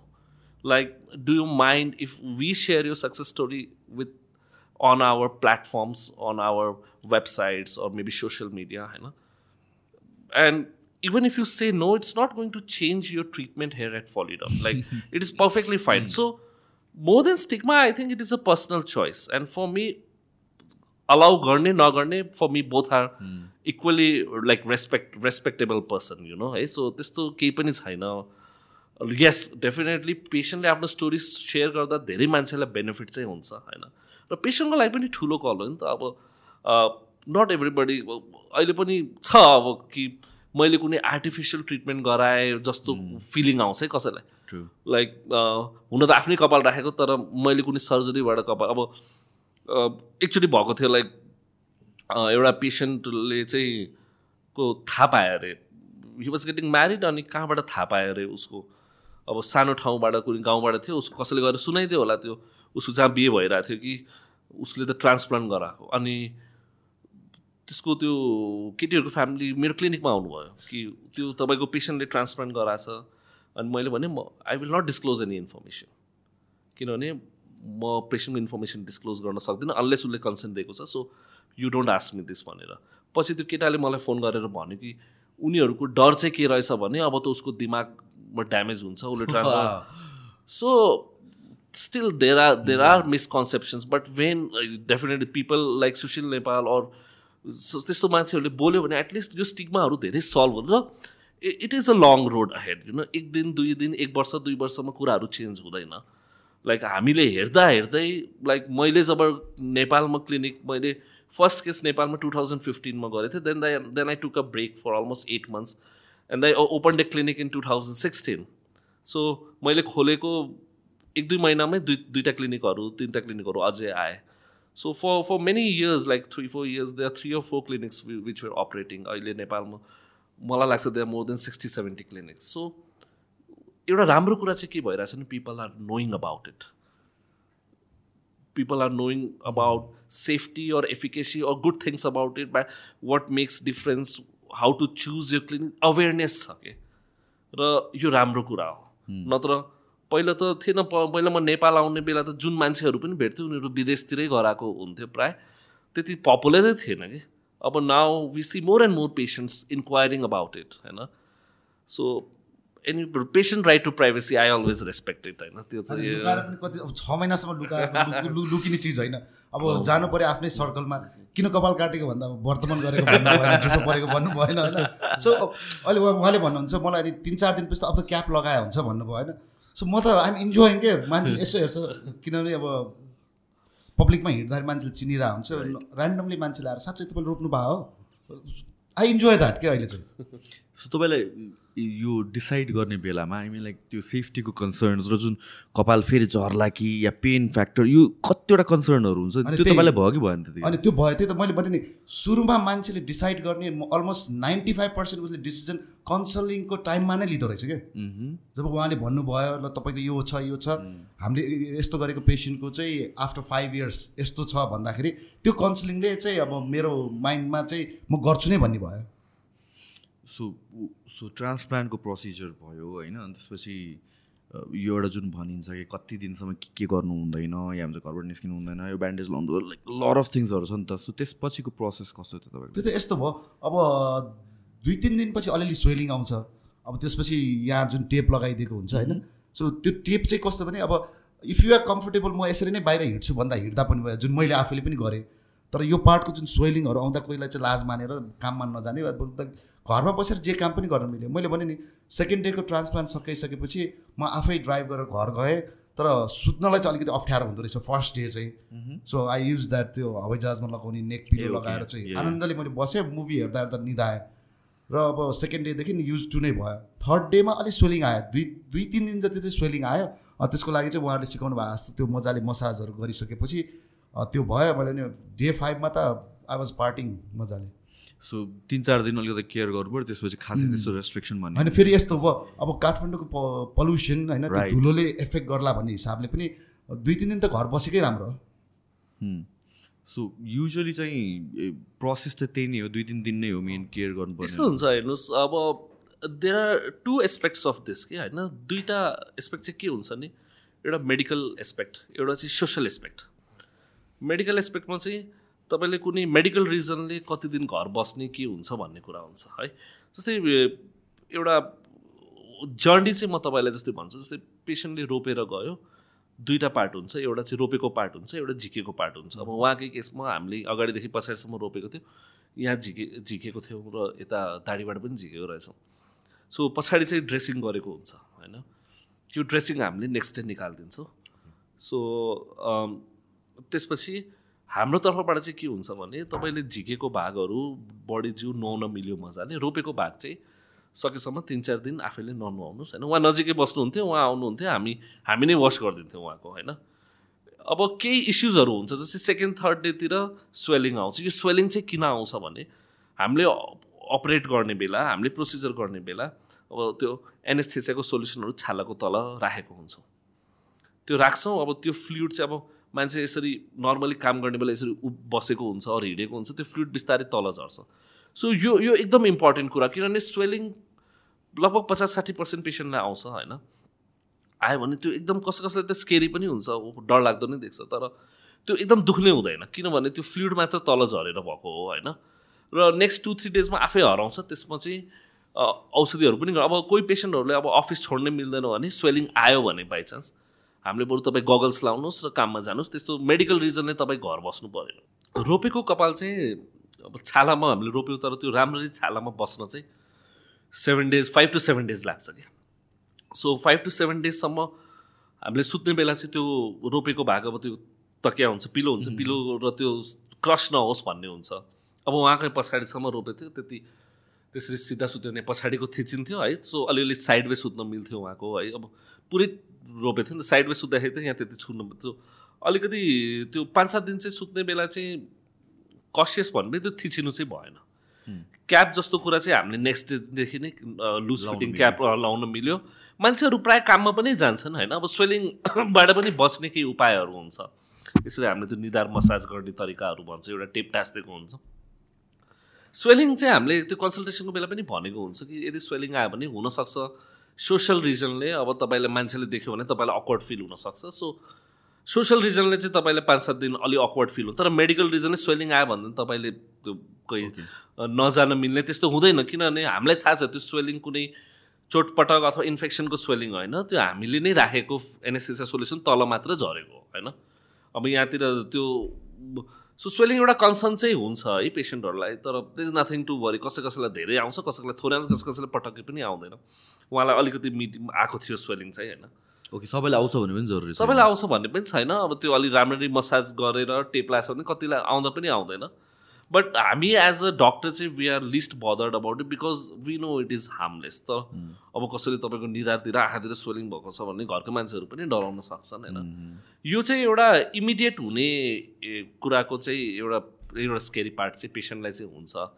बट देन हाम्रो तर्फबाट हामी त्यो टाइम टाइममा फलोअप गरेर उहाँलाई रियस्योर गरिरहेको हुन्थ्यौँ कि डोन्ट वरी अब हि वाज अल्सो म उठ्नुभन्दा पहिला चाहिँ फोन फोन आइरहन्थ्यो। आज तपाईँ कस्तो छ? सो खासै त्यस्तो युजुअल डे टु डे एक्टिभिटिजहरू त्यति ह्याम्पर हुँदैन इभन आफ्टर ट्रान्सप्लान्ट उहाँले अब पोल्युसनको कुरा गर्नुभयो होइन? अब लगभग लगभग बाह्र तेह्र वर्षमा मैले चाहिँ इन्फेक्सनको केस सायद हेरेकै छैन। इभन काठमाडौँ जस्तो एरियामा हामीले पेसेन्टलाई भन्छौँ ड्रेसिङ फुकालेर तपाईँ जानुहोस्। बाहिर दिनुहोस् काम गर्नुहोस् घुम्नुहोस् केही प्रब्लम छैन। सो त्यति इन्फेक्सनबाट डराउनु पर्ने चाहिँ कुराहरू चाहिँ छैन। अब त्यति अलिकति सेफ साइड हुन मुखले खाने ओरल ट्याब्लेट्सहरू एन्टिबायोटिक्सहरू पनि चलाएकै हुन्छ होइन? सो तर पर्सनल चोइस हो। अब पाँचदेखि सात दिनमा चाहिँ के हुन्छ भने एउटा सोसियली कम्प्याटेबल लुक सानो सानो कपाल देखिन थाल्छ। सो मान्छेहरू अलिअलि सानो कपाल देखेपछि मात्र काममा फर्किने कि भन्ने पनि हुन्छ। Those who want to keep it very private होइन? So different type of patient चाहिँ हामीले भेट्छौँ त्यस्तो केसमा। सो तपाईँको केसमा चाहिँ लाइक फोलिडर्म नै कसरी तपाईँले भेटाउनु भयो किन त्यही चुज गर्नु किनभने लाइक अघि भने जस्तो यत्रो धेरै ठाउँ फेसिलिटिजहरू छ होइन? त्यही पनि फोलिडर्मको बारेमा थाहा कसरी पाउनु भयो र किन त्यही चुज गर्नु होइन फोलिड्रोम त अब बालुवाटारमै मेरो घर नजिकै भएकोले गर्दा पनि एक हिसाबले त्यो थाहा पाएँ। र मैले मान्छेहरूसँग बुझ्थेँ जसले ट्रान्सप्लान्टहरू गर्नुभएको थियो कहाँ गरेको कसरी गरेको कुन प्रोसेसबाट गरेको। सो अब बुझ्दै जाँदाखेरि डाइरेक्ट हेयर ट्रान्सप्लान्ट चाहिँ एकदम सक्सेस रेट धेरै भएको चाहिँ त्यो बुझिसकेपछि पोलिड्रममा म गएँ र उहाँले पनि यही नै बुझाउनु भयो कि हाम्रो प्रोसेस चाहिँ डाइरेक्ट हेयर ट्रान्सप्लान्ट हो भनिसकेपछि like I was comfortable so consultation process कतिको इम्पोर्टेन्ट छ? किनभने हाफ माइन्ड बनाएर चाहिँ आइसकेको हुन्छ होला मान्छे म गरौँ भनेर। तर सम सोर्ट अफ त्यो हेजिटेसन त डेफिनेटली नै हुन्छ नि त। So how important is it for you तपाईँको लागि मेरो लागि त आई थिङ्क जतिको प्रोसिजर गर्नु इम्पोर्टेन्ट हो त्यति नै कन्सल्टेसन कन्सल्टेसन प्रोसेस चाहिँ किन इम्पोर्टेन्ट छ भने हामी मेन चाहिँ केस राम्ररी इभ्यालुएट गर्न सक्छौँ। अब जस्तै उहाँकोमा यति कपाल यति समय लाग्छ यति यहाँबाट झिक्नुपर्छ एउटा हामीले एउटा टेन्टेटिभली कन्भे गर्यो। उहाँको पेसेन्टको पनि एउटा कन्सर्न फेस टु फेस बसेर पेसेन्टको कन्सर्न साइड इफेक्ट्सहरू। हेयर ट्रान्सप्लान्ट भनेको कपाल रोपिसकेपछि पनि कपाल आउन सिक्स टु नाइन मन्थ्स लाग्छ मिनिमम आज रोप्यो आजको आजै कपाल देखिन्न बुझ्नु भएन। सो यदि पेसेन्टलाई हामीले सबै कुरा सबै इन्फर्मेसन पहिला दिएको छैन भने यो सिक्स टु नाइन मन्थ्स चाहिँ दुइटै पक्षलाई गाह्रो हुन्छ। मेरो काम भनेको सर्जरी हेयर ट्रान्सप्लान्ट गर्नु मात्र होइन। पेसेन्टको रिजल्ट नआएसम्म मेरो काम सकिँदैन। सो म त पेसेन्टको टचमा कन्ट्याक्टमा म उसँग सम्पर्कमा सिक्स टु नाइन मन्थ्स बस्नु पनि छ। र यदि मैले केही इन्फर्मेसन छुट्याएँ कि उसलाई भनेको छैन हामीले सबै कुराहरू डिस्कस गरेको छैन उसको एक्सपेक्टेसन के छ रियालिटीमा हामी के दिन सक्छौँ यो यो कुरा हुनसक्छ यस्तो हुनसक्छ तपाईँको कपाल उम्रिन यति समय लाग्छ। सो यदि हामीले सबै इन्फर्मेसन कन्भे नै गरेको छैन भने patient will have wrong message you know अनि यो सिक्स टु नाइन मन्थ्समा धेरै इस्युजहरू आउनु पर्छ आउन सक्छ कि सो मेरो लागि चाहिँ मैले चाहिँ यदि इभनको अब कतिचोटि क्लिनिकमा बाहिरबाटै इन्क्वायरी गरेर आउँछ बाहिरबाट हाम्रो अब धेरै पेसेन्ट विदेशी नेपालीहरू बाहिरबाट पनि इन्क्वायरी गर्छन् हाम्रो चाहिँ टिमै छ छुट्टै। Those who will explain you each and every point and we still tell कि तपाईँ प्रोसिजर गराउनुभन्दा अगाडि एकचोटि डक्टरलाई चाहिँ आएर क्लिनिकमा भेट्नुहोस्। For me it is very important अब केही सुरु सुरुमा अब यो कुराहरू पनि विथ टाइम हामीले सिक्ने कुरा होइन। जस्तै एकचोटि चाहिँ एउटा क्लाइन्ट थियो इन्डियामा इन्डियामा हुने बेला उसको कुनै इम्पोर्टेन्ट फ्यामिली फङ्सन थियो। सायद दाईको बिहे कि त्यस्तो केही थियो दुई तिन महिनापछि उसले कपाल रोप्यो। अनि रोपेको कपाल चाहिँ एकचोटि झर्दो रहेछ कि तपाईँको तिन महिनाभित्र सबै झर्दो रहेछ। अनि उसको रोप्यो त्यो नेचुरल प्रोसेस अनि त्यो उसको झऱ्यो अनि ऊ चाहिँ आयो मेरो त कपाल झऱ्यो मेरो त फ्यामिली फङ्सन त्यसैले मैले ट्रान्सप्लान्ट गराएको। होइन सो आई फेल्ट ब्याड कि why this information was not so with time now हामीलाई थाहा छ कि कि अब सुरु सुरुमा नयाँ नयाँ प्र्याक्टिस गरेर धेरै कुरा हामीले भन्न छुट्याएको हुन्छ तर म चाहिँ इच एन्ड एभ्री पोइन्ट चाहिँ म कन्सल्टेसनमा पेसेन्टलाई भन्छु। Like I have actually a team जुन होइन कन्सल्टेसन गर्ने टिम छ ट्रिटमेन्टको पार्टमेन्ट सो मेरो लागि चाहिँ इन्फर्मेसन किनभने मेरो लागि त्यो अगाडिको छ महिना नौ महिना जुन छ त्यो जर्नी सजिलो हुन्छ। र तपाईँ नै सोच्नु यदि तपाईँलाई सबै कुरा थाहा छ हो अब मेरो स्वेलिङ हुनसक्छ अब मेरो कपाल झर्छ अब यस्तो हुन्छ उस्तो हुन्छ त्यो मसँग त त्यो पेसेन्टहरूको म पुरा टाइम लाइनबाटै फोटोग्राफ्स भिडियोजहरू देखाउँछु कि। दिस विल ह्यापन होइन। सो त्यो भयो भने चाहिँ धेरै सजिलो हुन्छ एज अ फिजिसियन होइन। सो म त for me this is I think the most important part as important as doing the procedure seeing the follow up consultation for me is very important. हाम्रो अलाइनमेन्ट बस्छ एउटा पेसेन्टसँग आजको भोलि नै treatment result आउने भयो त त्यति इम्पोर्टेन्ट नहोला तर यो हाम्रो पेसेन्टसँग मिनिमम एउटा रिलेसन नै सिक्स टु नाइन मन्थ्सको हुन्छ। सो किनभने यो स्पेसली यो कपाल फेरि झर्छ भन्ने part that might be scary if the पेसेन्टलाई थाहा छैन भने। जस्तो कि मिनोक्सिडिल युज गर्ने बेलामा पनि सुरुमा कपाल झर्छ। होइन? अन्त तर त्यसपछि फेरि रिग्रो हुन्छ। The problem is lot of people त कपाल झर्ने बित्तिकै आतेर छोडिदिन्छ। ए यसले त मेरो झन् कपाल झरायो झऱ्यो भनेर। हो so it it's go even for us it goes a bad message अब आज रोपेर गयो उसलाई यो थाहा नै छैन झर्छ भनेर झऱ्यो अनि त्यो ड्युरेसन अब ठिक छ इभेन्चुली उसको कपाल आउँछ तर दुई तिन महिनामा जुन उसको झर्ने फेजमा उसले आफ्नो जुन डिससेटिस्फ्याक्सनकै एक्सप्रेस गर्यो भने त हाम्रो पनि रेपुटेसन स्टेकमा हुन्छ नि त। राम्रो भएपछि त सायद उसले सबैलाई भेटेर सच्याउँदैन होला। सो तर त्यति बेला त ए मैले त्यो रोपेँ मेरो त सबै झऱ्यो भनेर। सो मैले चाहिँ इभन अब कोही जुनियर हाम्रो भाइहरू आउनुहुन्छ डर्मेटोलोजिस्ट होइन। मैले भने कि हेयर ट्रान्सप्लान्टको लागि म एउटा पेसेन्टलाई मेरो क्लिनिकमा पनि हेयर ट्रान्सप्लान्टलाई कन्सल्टेसन गर्ने बेला मैले उहाँलाई भन्छु कि तपाईँ एक घन्टा टाइम निकालेर आउनुहोस्। Will explain you everything. Please एक घन्टा निकालेर तपाईँको पाँच मिनट दस मिनटमा सकिने कुरा होइन। For me it is very very important so जस्तो कि हेयर ट्रान्सप्लान्ट गर्नुभन्दा अगाडि किनभने it is kind of like एउटा माइनर सर्जरी जस्तो त ट्रिट गर्नु पऱ्यो नि त। सो त्यो एनी काइन्ड अफ सर्जरी गर्नुभन्दा अगाडि टेस्टहरू गरिन्छ यताउति रन गरिन्छ होइन? सो यो केसमा चाहिँ त्यस्तो के हुन्छ प्रोसेस त्यो हामीले एउटा प्रोटोकल चाहिँ छ होइन? केही ब्लड टेस्टहरू हामीले गराउँछौँ। अब एक प्रकारको माइनर सर्जरी भए पनि लाइक टेस्टहरू चाहिँ गराउँछौँ जस्ट टु सी कि भित्र सबै कुरा ठिकठाक छ। He is medically fit for the procedure भन्नको लागि केही ब्लड टेस्टहरू सामान्य ब्लड टेस्टहरू हुन्छ त्यस्तो धेरै टेस्टहरू गर्नु पर्दैन। नर्मल्ली ब्लड टेस्टहरू गरेर त्यो गराएको चाहिँ राम्रो हो होइन? एउटा पेसेन्ट इज फिट जस्तो सबै कुरा ठिक छ भने चाहिँ गराउँछ। प्लस हामीले कहिलेकाहीँ अब डोनरको एरियाको रोपेको भागले त्यो इभ्यालुएसन गर्नको लागि पनि केही इन्स्ट्रुमेन्ट्सहरू हुन्छ त्यस्तो पनि गर्नुपर्ने हुन्छ। सो त्यो हामी रुटिनली हरेक पेसेन्टमा पर्फर्म चाहिँ गर्छौँ। सो त्यो पनि एउटा फिल्टरिङ प्रोसेस जस्तो हो? आई मिन लाइक कस कसलाई गर्ने कसलाई नगर्ने भनेर पनि। युजली ब्लड टेस्टहरू चाहिँ हामी every patient who goes for transplant हामी गराउँछौँ। त्यो एउटा हाम्रो प्रोटोकल नै छ होइन। युजली अब अरू ठाउँ पनि यो प्रोटोकल चाहिँ फलो गरेको हुन्छ मान्छेहरूलाई। सो अब अर्को कुराहरू भनेको चाहिँ एक्सपेक्टेसन म्यानेजमेन्ट पनि हो नि त होइन? किनभने चाहिँ अब सबैको प्रोसिजियर सेम वेमा नहुनसक्छ जस्तो कि डोनर एरियाकै हामीले थिकनेसको कुरा गर्न सक्छौँ। कति ग्राफ निकाल्न मिल्छ कति मिल्दैन भने भोलि गएर कस्तो हुन्छ त्यो रिजल्ट्स भन्ने कुरा पनि आउँछ। कतिजनाको एकदम म्यासिभ होला ठाउँ कभर गर्नुपर्ने जुन चाहिँ मेबी त्यो सोच्या जस्तो नहुनसक्छ सबैजनाको केस सिमिलर त नहोला। सो यो एक्सपेक्टेसन्स चाहिँ कसरी म्यानेज गर्नु again this is like consultation नै हो। कन्सल्टेसनमा यही कुराहरू डिस्कस हुन्छ। अब रिजल्ट हेर्नुहोस् रिजल्टलाई रिजल्ट कस्तो हुन्छ यसलाई धेरै कुराले डिसाइड गर्छ। तपाईँको डोनर एरियाको कपालको मोटाइ कति छ तपाईँको डोनर एरियाबाट कति झिक्न मिल्छ जति धेरै झिक्न मिल्यो हामीले त्यति कपाल नजिक नजिक राख्नुहोस्। अब जस्तै उहाँको केसमा तालुपन धेरै थियो। हामीले नजिक नजिक राख्यौँ भने हामीलाई कपाल धेरै चाहिन्छ। अब कपाल धेरै झिक्नको लागि धेरै कपाल हुनु पनि पर्यो। सो सप्लाई गर्ने ठाउँ सानो छ। सो प्लस कपालको मोटाइ पनि एभरेज थियो होइन। सो अकर्डिङली हामीले पेसेन्टलाई भन्न मिल्यो नि कि तपाईँको रिजल्ट यति जतिको आउँछ होला। किनभने पेसेन्ट्सहरू अब कहिले काहीँ हुन्छ पेसेन्ट्सहरू वेबसाइटमा हाम्रो हेर्छ सोसियल मिडियामा हेर्छ। त्यहाँ प्रायः जस्तो हेर्नुहोस् we display our best of the work best cases जसले अप्रुभल पनि दिएको छ बेस्ट केसेस हुन्छ। पेसेन्ट आउने बेला उसको एक्सपेक्टेसन त्यहीँनिर सेट भएको हुन्छ। कम्प्रोमाइज केसेसहरू कसैले राख्दा पनि राख्यो राख्यो भने त्यहाँ नोट्सहरू लेखेको हुन्छ उसको यस्तो टाइपको केस बट प्रमोसनल पर्पजले त्यो केसेसहरू सो पेसेन्टको यदि एक्सपेक्टेसन नै हाई छ र त्यो हामीले त्यो अलाइनमेन्ट गर्न अघि मैले भने it's it's very important you know र त्यहाँ चाहिँ रोल हुन्छ कि डक्टरको कि वेदर पेसेन्टको यदि एक्सपेक्टेसन हाई छ र हामीले त्यो प्रोसिजरबाट दिनै सक्दैनौँ भने एटलिस्ट त्यो पछि डक्टर पेसेन्ट रिलेसन त मेन्टेन हुन्छ नि एटलिस्ट भोलि पर्सि नत्र एक्सपेक्टेसन त्यहाँ छ रियालिटी हामीले दिन सक्ने कुरा यहाँ छ।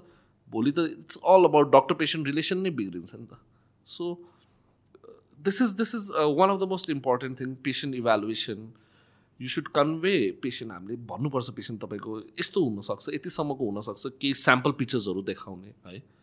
सो उहाँको केसमा पनि हामीले त्यो डिटेल हामीले एन नम्बर अफ पेसेन्ट्सको उहाँलाई एउटा रफली फोटोजहरू देखायौँ होइन? यतिको लगभगमा हुनसक्छ होइन?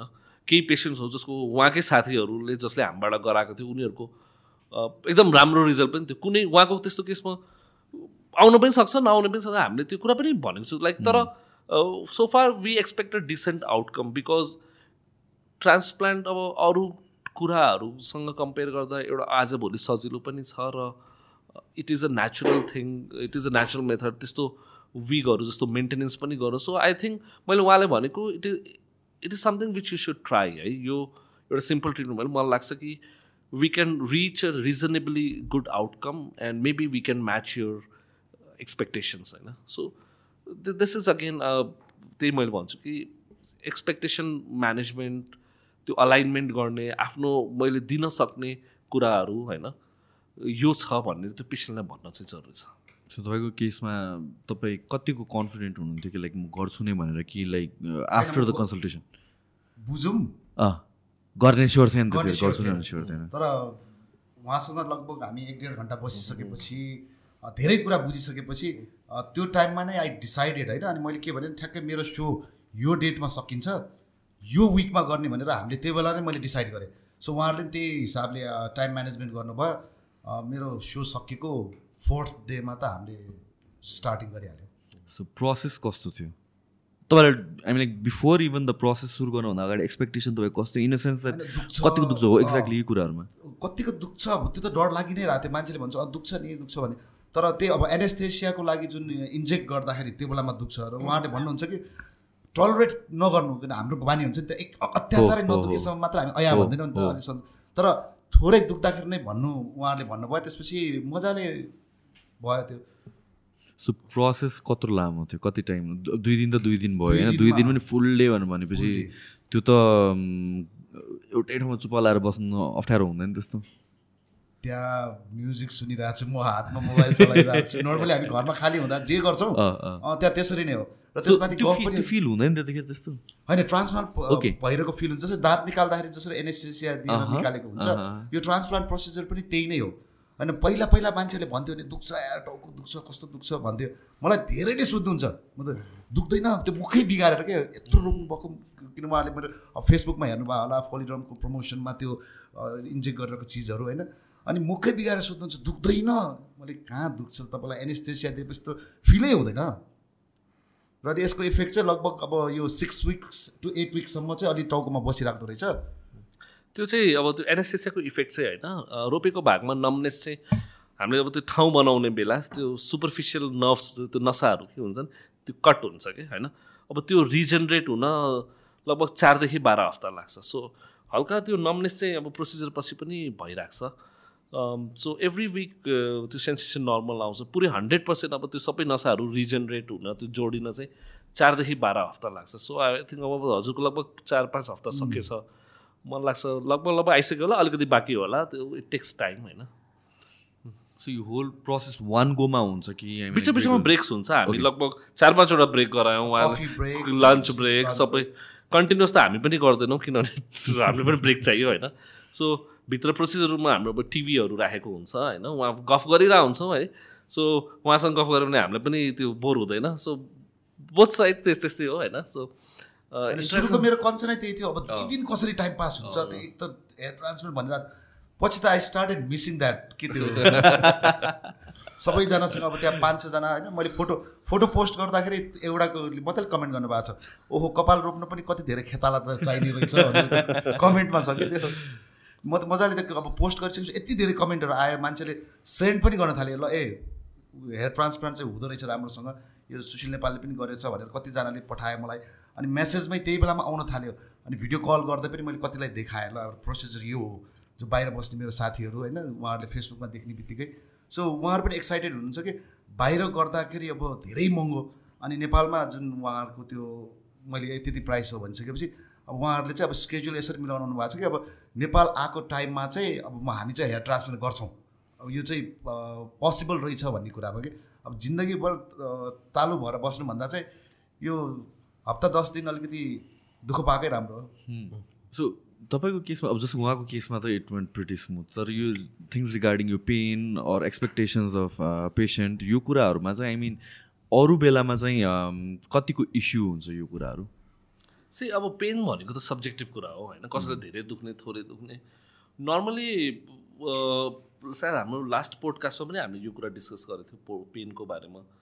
हामीले केही पेसेन्ट्सहरूको डेटा लिएको थियो। सो उहाँ सु जस्तै प्रोसिजर सकेपछि हामीले एउटा फर्म भर्न लाउँछौँ कि तपाईँलाई जिरो टु टेनको स्केलमा कति दुख्यो भनेर। सो केही समय हामीले कति सम हन्ड्रेड कति हन्ड्रेड पेसेन्ट्सको डेटा एनालाइज गर्दाखेरि most of the patients rated pain average three point six seven कस्तो त्यस्तै केही आएको थियो कि? So it was quite tolerable for most of the patient तर अब यस्तो हुन्छ कोही कोही पेसेन्टलाई अब त्यो एनेस्थेसिया दिँदासम्म दुख्ने हो। तर त्यो दिने बेला पनि हामीले त्यो एउटा भाइब्रेसन डिभाइस युज गरिरहेको हुन्छौँ है? सो डिस्ट्राक्सनको लागि प्लस म्युजिकहरू चलिरहेको गफ गरिरहेको हुन्छ धेरै कुराहरू हुन्छ। अब एनएसएसआईको पार्ट चाहिँ लगभग लगभग अब दिनभरिको आठ दस घन्टाको प्रोसिजरमा त्यो पाँचदेखि दस मिनटको अब एकदम फाइन निडल्स त्यो इन्सुलिन सिरिज भन्छ कि डायबिटिजहरूले घरमा आफैले इन्सुलिन हान्नुको लागि जुन सिरिज हुन्छ बेबी निडल्स हुन्छ। So most of the patients होइन उनीहरू चाहिँ के भन्छ दुखाइ गर्ने बेला र इभन प्रोसिजर सकेपछि दुखाइ चाहिँ इस्यु हुँदैन त्यति। दुखाइ चाहिँ इस्यु हुँदैन।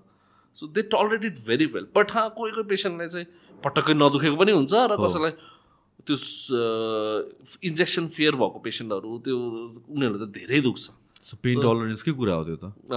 पेन एउटा सब्जेक्टिभ कुरा आफूलाई कस्तो फिल हुन्छ भन्ने कुरा हो। त सोफार अब बाह्र तेह्र वर्षमा चाहिँ पेन त्यति ठुलो इस्यु हुँदैन पेसेन्ट्सहरूको लागि। किनभने अहिले त धेरै इम्प्रोभाइजेसन भइसक्यो कि पेनलाई कम गर्ने होइन? देन अगेन अब इन्डिभिजुअल भेरिएसन्सहरू त भइहाल्छ। सो आई मिन लाइक यो यत्रो इयरको एक्सपिरियन्समा त्यो पेनको कारणले नै आई मिन केही त मान्छेहरूले नगर्ने टाइपको त भएको छैन। किन वी सी द्याट मैले किन भन्नु खोजेको भनेपछि यो हेयर ट्रान्सप्लान्ट भन्ने बित्तिकै मलाई ट्याटु दिमागमा आयो कि अनि I heard so many cases मान्छेहरूले बनाउनु थालेपछि छोडेर भाग्ने मान्छेहरू पनि हुन्छ नि त कतिजना।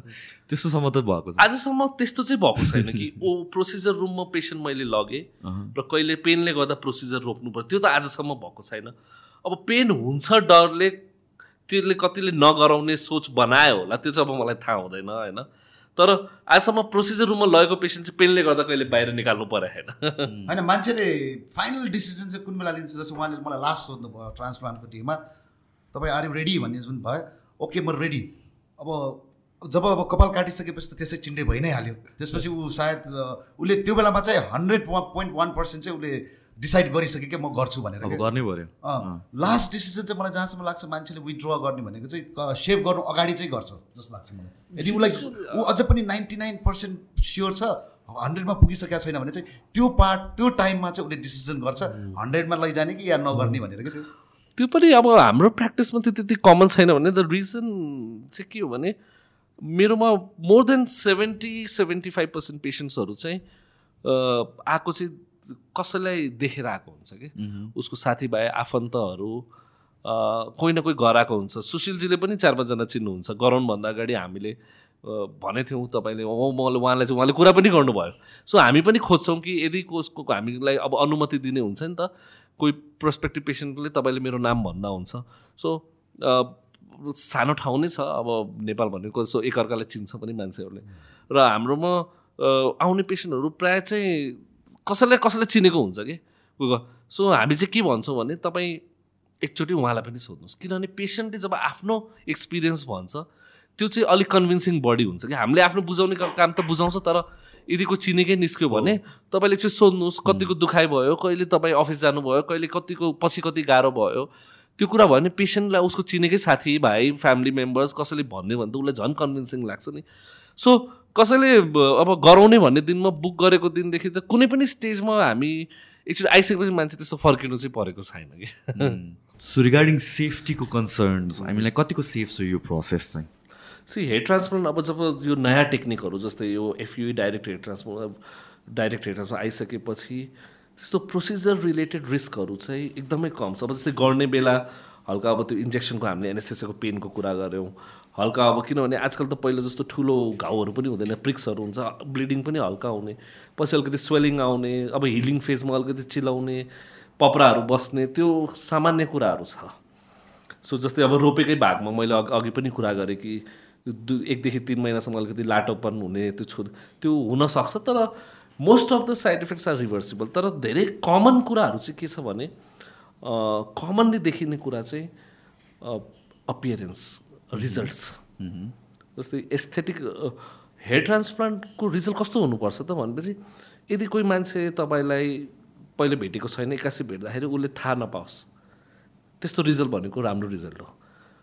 त्यसको लागि त्यसको लागि दुई दुईवटा कुरा चाहिन्छ। एउटा चाहिँ डिजाइन र अर्को डेन्सिटी डिजाइन भनेको अब जस्तै कसैको अगाडि कपाल छैन मैले त डिजाइन गरेँ मैले हेयरलाइन कस्तो हुन्छ उसको फेसलाई उसको एजलाई उसको सबै कुरा एनालाइज गरेर उसलाई सुहाउँदो हेयरलाइन बनाउनु पऱ्यो र अर्को कुरा चाहिँ बाक्लोपन यदि यो यो दुइटा कुरा मिलेन भने चाहिँ तपाईँको आउटकम चाहिँ अलि अननेचुरल देख्छ। अलिक पातलो छ पातलो पातलो देखेछ हेयरलाइन पनि अननेचुरल जस्तो छ धेरै तल छ माथि छ सिधा छ। सो पुवर एस्थेटिक आउटकम भन्छ हामीले कि like is is very common so यहाँ चाहिँ यो रोल आउँछ कि एक्सपिरियन्स क्वालिफिकेसन सो डिजाइनको कुरा चाहिँ के हुन्छ भने अब हामी गर्दै जाँदा फेसको स्ट्रक्चर उसको मेल छ फिमेल छ निग्रो छ आर्यन फेस छ मङ्गोलोइड छ अब एज कतिको छ कति कहाँदेखि सुरु गर्ने कसरी बनाउने त्यो सर्जनलाई बिस्तारै नलेज हुन्छ र डेन्सिटी एउटा अर्को कुरा छ जुन चाहिँ टेक्निकली एकदम च्यालेन्जिङ पार्ट हुन्छ। डेन्सिटी भनेको हामीले रोप्ने बेला जति नजिक नजिक राख्यौँ। कपाल त्यति बाक्लो देख्छ हामी टाढा टाढा छरिएर राख्यो भने कपाल पातलो देख्छ। So this is something which you learn with time यो चाहिँ एकदमै एउटा जस्तै हामीले जुन सुरु सुरुमा सर्जरी गर्ने बेला मैले पनि धेरै नजिक नजिक रोप्नै सक्दैन थिएँ कि। र मैले विथ टाइम सिकेँ। विथ टाइम चाहिँ अब we can transplant really dense होइन? र अर्को एक्सपिरियन्सको रोल चाहिँ किन इम्पोर्टेन्ट छ भने जस्तै कपाल रोपिसकेपछि कपाल उम्रिन कति टाइम लाग्छ? सिक्स टु नाइन मन्थ्स र मैले के सही गरेछु मैले कुन पेसेन्टमा के गलत गरेको छु त्यो त मैले छदेखि नौ महिनापछि मात्र थाहा पाएँ नि। र मानव मैले केही कुरा गलत गरेछु भने मैले छदेखि नौ महिनापछि थाहा पाएँ फेरि मैले त्यो अर्को पेसेन्टमा त्यो कुरालाई सच्याउँछु र त्यसको आउटकम राम्रो भयो कि नै त्यो मैले छदेखि नौ महिनापछि थाहा हुन्छ। So this is how medical प्र्याक्टिसमा यस्तै हो कि तपाईँले विथ टाइम आफ्नो प्र्याक्टिसमा चेन्जेसहरू ल्याउनुहुन्छ when you see the outcomes you know है? र त्यसलाई के चेन्ज गर्न मिल्छ। यो एस्थेटिक इन्डस्ट्री चाहिँ यस्तो छ किन it is a highly customisable जब के? मान्छेको लुक्स उसलाई कस्तो चाहिन्छ त्यो पनि हेर्नु पऱ्यो र उसको फेसमा के सुट गर्छ त्यो पनि हामीले सजेस्ट गर्नु पऱ्यो सो लर्निङ कर्भ एकदम लामो छ कि that's why role of experience role of experience in hair transplant industry is very very important मैले पनि आफ्नै काममा जुन मैले बाह्र तेह्र वर्ष अगाडि गर्थेँ र आज गरिरहेको छु मैले धेरै डिफ्रेन्स पाएको छु। किनभने चाहिँ अघि ठ्याक्क हामीले कुरा गर्दा हेयर लाइनकै कुरामा होइन? किनभने उहाँको एकदम नेचुरल देखिन्छ। लर अफ किनभने यो हेयर ट्रान्सप्लान्ट गर्ने कुरा त त्यो एउटा certain three months six months nine months लुगाउन सकिएला। तर once it's done I mean most people the rise hair ट्रान्सप्लान्टहरूको हेरेर पनि थाहा पाउँछ कि टु पर्फेक्ट त्यो चाहिँ फेरि पर्फेक्ट हुन्छ रुलर राखेर लाइन एकदमै त्यस्तै हुन्छ। कि फेरि? त्यो चाहिँ एकदम इम्पोर्टेन्ट किन छ भने मानौ लाइक तालुपन अब कोही केटाको कपाल छैन। अब तालुपन यति कमन भइसक्यो कि सोसियली एक्सेप्टेबल छ उसको कपाल छैन ठिक छ।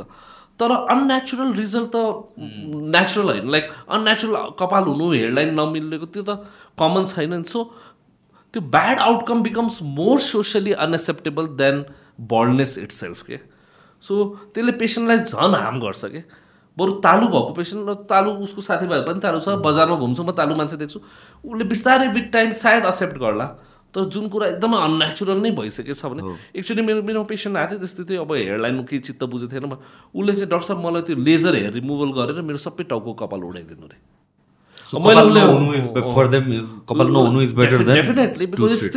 मान्छेलाई इम्बारेस हुँदो रहेछ। जस्तै मेरो एउटा साथीले फोर इयर्स ब्याक उसले गरे होइन? अब अहिले मेरो हेरिसकेपछि उसले आफ्नो एक्सपिरियन्स भने ब्रो कस्तो यो राम्रो भएको यार तिम्रो। मलाई जहिले सोध्छ तिम्रो रुपियाँ हो भनेर सोद्धाखेरि मलाई एकदम इम्बारेस हुन्छ अरे कि त्यो यो यो एकदम म्याटर गर्छ क्या। त्यो त लाइफ लङ नै भयो छाप हुने अनि त्यो खोइ तिम्रो कहाँ गरे क्या मतलब अगाडिको मात्र पनि मिलाउनु जानु पऱ्यो भनेर धेरैले मलाई त्यस्तो पनि भन्छन् कि त्यस्तो केस मिलाउन सकिन्छ कि हो अब के हुन्छ भने त्यसको लागि चाहिँ डोनर इम्पोर्टेन्ट हो। डोनर भनेपछि जस्तै डोनरको एउटा क्यापेसिटी छ। डोनर भनेको जहाँबाट हामीले कपाल झिक्छौँ होइन? अब मैले भने नि हामीले झिक्ने बेला त्यो मिलाएर झिक्नुपर्छ एज लङ एज त्यसले छोप्न सकोस्। सराउन्डिङ कपालले यसको लुक्सलाई मानव अब मान्छेले कति ट्रान्सप्लान्ट गराएको छ र डोनर उसको म्याक्सिमम् क्यापेसिटी जति चाहिँ त्यो झिकिसकेको छ। झिकिसकेपछि अब हामीले मलाई कसैको पातलो नै देखेछ उसले डेन्सिटी थप्नु पऱ्यो अरू उसको हेडलाइन मिलाउनु छ। कपाल त चाहियो हामीलाई। कपाल झिक्ने ठाउँ छ भने त त्यो रिपेयर गरौँला हामीले। तर कतिचोटि हुन्छ कि मान्छेको हामीले रिपेयरको लागि आउँछ तर यो डोनर नै सकिसकेका हुन्छ अब हामीले उहाँलाई बुझाउँछौँ अब यहाँबाट अझै मैले झिक्न त झिक्न सक्छु तर झिकेँ भने यो पातलो देख्छ साह्रै। अब यहाँ पातलो गरेर यो मिलाएर पनि यो राम्रो कुरा होइन। So better you live with it भन्छु मैले। सो पेसेन्टले चाहिँ के बुझ्नु पऱ्यो भने तपाईँले ट्रान्सप्लान्ट यदि रिसर्च गर्नुभएको छैन राम्ररी बुझे नबुझिकन टाइम मनी गयो त्यो छुट्टै कुरा हो तर you lose the valuable donor area किन डोनर एरियाको अनलिमिटेड क्यापेसिटी छैन। उसले सप्लाई गर्न सक्ने लिमिटेड कपाल छ र त्यो लिमिटेड कपाललाई तपाईँले युज गरेर पेसेन्टलाई रिजल्ट दिने डोनर एरिया अनलिमिटेड भएको भए हाम्रो टेन्सनै छैन। होइन। किनकि एकचोटि निकालिसकेपछि त डोनर सक्यो नि अब। तर यदि डोनर छ भने चाहिँ त्यो रिपेयर चाहिँ गर्न मिल्ने गर्छ हामीले धेरै केसेसहरू रिपेयर गरिरहेको हुन्छौँ तर कतिचोटि रिपेयर नगर्न मिल्ने पनि केसेसहरू आउँछन् होइन। So accordingly with heavy heart हामीले कन्भे गर्छौँ कि पेसेन्टलाई पनि राम्रो लाग्दैन अब के गर्ने गर्नै नमिल्ने भएपछि त के गर्ने? सो यो प्रोसिजरले चाहिँ कम्फर्टेबल भयो सक्सेसफुल भयो एभ्रिथिङ इज डन त्यसपछि के एक्सपेक्ट गर्ने? सो के हुन्छ त? अब ट्रान्सप्लान्ट पछि के हुन्छ त? जस्तै ट्रान्सप्लान्ट गरेको लगभग लगभग पाँच सात दिनपछि हामी त्यो स्क्याप्स पपराहरू बसेको हुन्छ। त्यसलाई सफा गर्छौँ। पेसेन्टले सानसानो कपाल देख्छ। लगभग लगभग तपाईँको ट्रान्सप्लान्ट गरेको टु टु थ्री विक्सपछि रोपेको कपाल चाहिँ बिस्तारै बिस्तारै झर्न थाल्छ।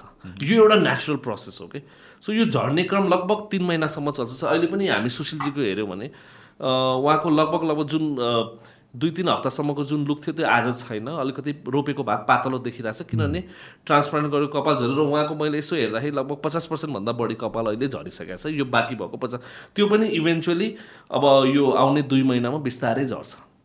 सो यो चाहिँ एकदमै नर्मल कुरा हो। पेसेन्टले यो चाहिँ एनालाइज गर्नु पऱ्यो कि सेडिङ यो टेम्परेरी सेडिङ चाहिँ हुन्छ। त्यसपछि ग्रोथ सुरु हुने भनेको लगभग थ्री थ्री मन्थ्स पछि हो। थ्री मन्थ्सपछि चाहिँ के हुन्छ प्रोग्रेसिभली तपाईँको रोपेको भाग जुन छ बाक्लो बाक्लो हुँदै जान्छ कपालहरू उम्रिँदै जान्छ। लगभग चार महिनासम्म चाहिँ पच्चिस पर्सेन्ट जति बिस पच्चिस पर्सेन्ट कपाल आइसकेको हुन्छ पाँच महिनामा पचास साठी पर्सेन्ट आइसकेको हुन्छ। र मेरो धेरै जसो पेसेन्टको सिक्स टु नाइन मन्थ्समा एउटा राम्रो रिजल्ट आइसकेको हुन्छ। सो यो चाहिँ रोपेको भएको डोनर एरियामा चाहिँ अब के हुन्छ सुरुमा कपाल हामीले ट्रिम गरेको हुन्छ। सो डोनर एरिया राम्ररी रिकभर हुने पुरै छोप्न कसैको एक महिना कसैको दुई अढाई महिनासम्म लाग्छ। होइन? सो यो चाहिँ एउटा नर्मल टाइमलाइन हो कि ट्रान्सप्लान्ट पछिको। सो त्यसपछि एनी फलोअप प्रोसिजरहरू त्यस्तो केही हुन्छ कि कि once it's done I mean like त्यो नेचुरली नै अन इट्स कोर्स नै जान्छ? हो सो किनभने जरा सुत्दै राखेको हुन्छ कपाल होइन? सो र most of the time transplanted हेयरलाई त्यस्तो कुनै मेन्टेनेन्सहरू पनि गरिराख्नु पर्दैन। सुशीलजीको केसमा चाहिँ कस्तो थियो भने अब यो पुरै चिल्लो चाहिँ थिएन नि त। सो हामीले अब त्यहाँ जुन एक्जिस्टिङ कपाल जुन राम्रो थियो त्यसलाई त चलाएनौँ। र जुन ग्याप्सहरू छ त्यहाँ चाहिँ हामीले ट्रान्सप्लान्ट गऱ्यौँ। अब बिच बिचमा केही कपालहरू राम्रा थिए होइन? त्यो सो उहाँलाई कि मेन्टेनेन्सको लागि हामीले मेबी पिआरपी मिनोक्सिडिलहरू सजेस्ट गर्नु। Otherwise life after transplant is not much difficult you know है सो सो मिनोक्सिडिलहरू चाहिँ कतिको युज गर्नु पिआरपी के कुराहरू त्यो चाहिँ अब हामीले जुन उहाँको पहिलेदेखिको कपाल अब एकदमै चिल्लो भएको मतलब रोपेको कपाल त बस्यो तर भएको कपाललाई त प्रिजर्भ गर्नु पऱ्यो नि त। जुन उहाँको अलरेडी थियो उहाँको त एकदम चिल्लो थिएन। सो मेबी अब फ्युचरमा इनकेस त्यो किनभने रोपेको नभए पनि एक्जिस्टिङ कपाल झऱ्यो भने अलिकति टचअप चाहिन सक्छ। तर let's see how it goes होइन? हामीले हुन त we have covered the entire area so उहाँ अहिले चाहिँ मिनक्सिल अब सुरु गर्ने अलिक बेला भइसक्यो होइन? सो त्यो चाहिँ हामीले जुन प्रि एक्जिस्टिङ हेर्थ्यो जस्तै अब तपाईँको जुन दाँत बिग्रेको छ त्यो दाँतलाई हामीले बनाउँछ नि त। अरू कपाल अरू दाँतलाई चाहिँ हामीले बचाउने के इन्स्ट्रक्सन्सहरू दिन्छ। सो जुन मिनोक्सिडिल युज गर्छौँ या पिआरपी गर्छौँ। It's not for the new hair but then like जुन एज आई टोल्ड यु कि मिनोक्सिडिल फिनास्टाइड पिआरपीको काम चाहिँ प्रोग्रेसन रोक्नलाई हुन्छ। तपाईँको जुन भएको कपाललाई बचाउने अरू पातलो पातलो कपाललाई बाक्लो पार्ने रोल हुन्छ है। सो बिकज उहाँको चाहिँ एकदम चिल्लो भएको भए त त्यति चाहिँदैन तर अलिक एक्जिस्टिङ हेयर पनि त छ नि। प्लस तालुपनलाई बढ्नबाट पनि रोक्छ। भोलि पर्सि अब अरू ठाउँतिरको कपाल रोपेको भन्दा पनि बाहेकको कपालहरू कतै झऱ्यो भने त्यसलाई पनि बचाएर राख्छ। सो त्यो सजेस्ट गर्छौँ बट देन कोही पेसेन्टले लिन मान्दैन भने हामीले त्यो उहाँलाई भन्छु मेन्टली प्रिपेयर भएर बसोस्। अरू ठाउँतिर कतै कपाल चाहिँ एउटा सानो टचअप गर्नु पऱ्यो भने चाहिँ गर्नु त्यस्तो अवस्था चाहिँ आउन सक्छ। सो टचअप भनेको पनि अगेन जुन एक्जिस्टिङ हेयर थियो त्यसमा जुन नयाँ मैले बुझ्न खोजेको चाहिँ जुन कन्सर्न थियो तपाईँको पनि इनिसियली कि भएको कपाल पनि भर्खर जोडेको कपाल जुन थप्यो कपाल सब प्रोसिजर गर्छ यो ट्रान्सप्लान्ट त्यो पनि ग्रो नहोला त्यो पनि फेरि रिटचअप गर्नु पर्ला भन्ने होइन। गएको हो कपालहरूको लागि।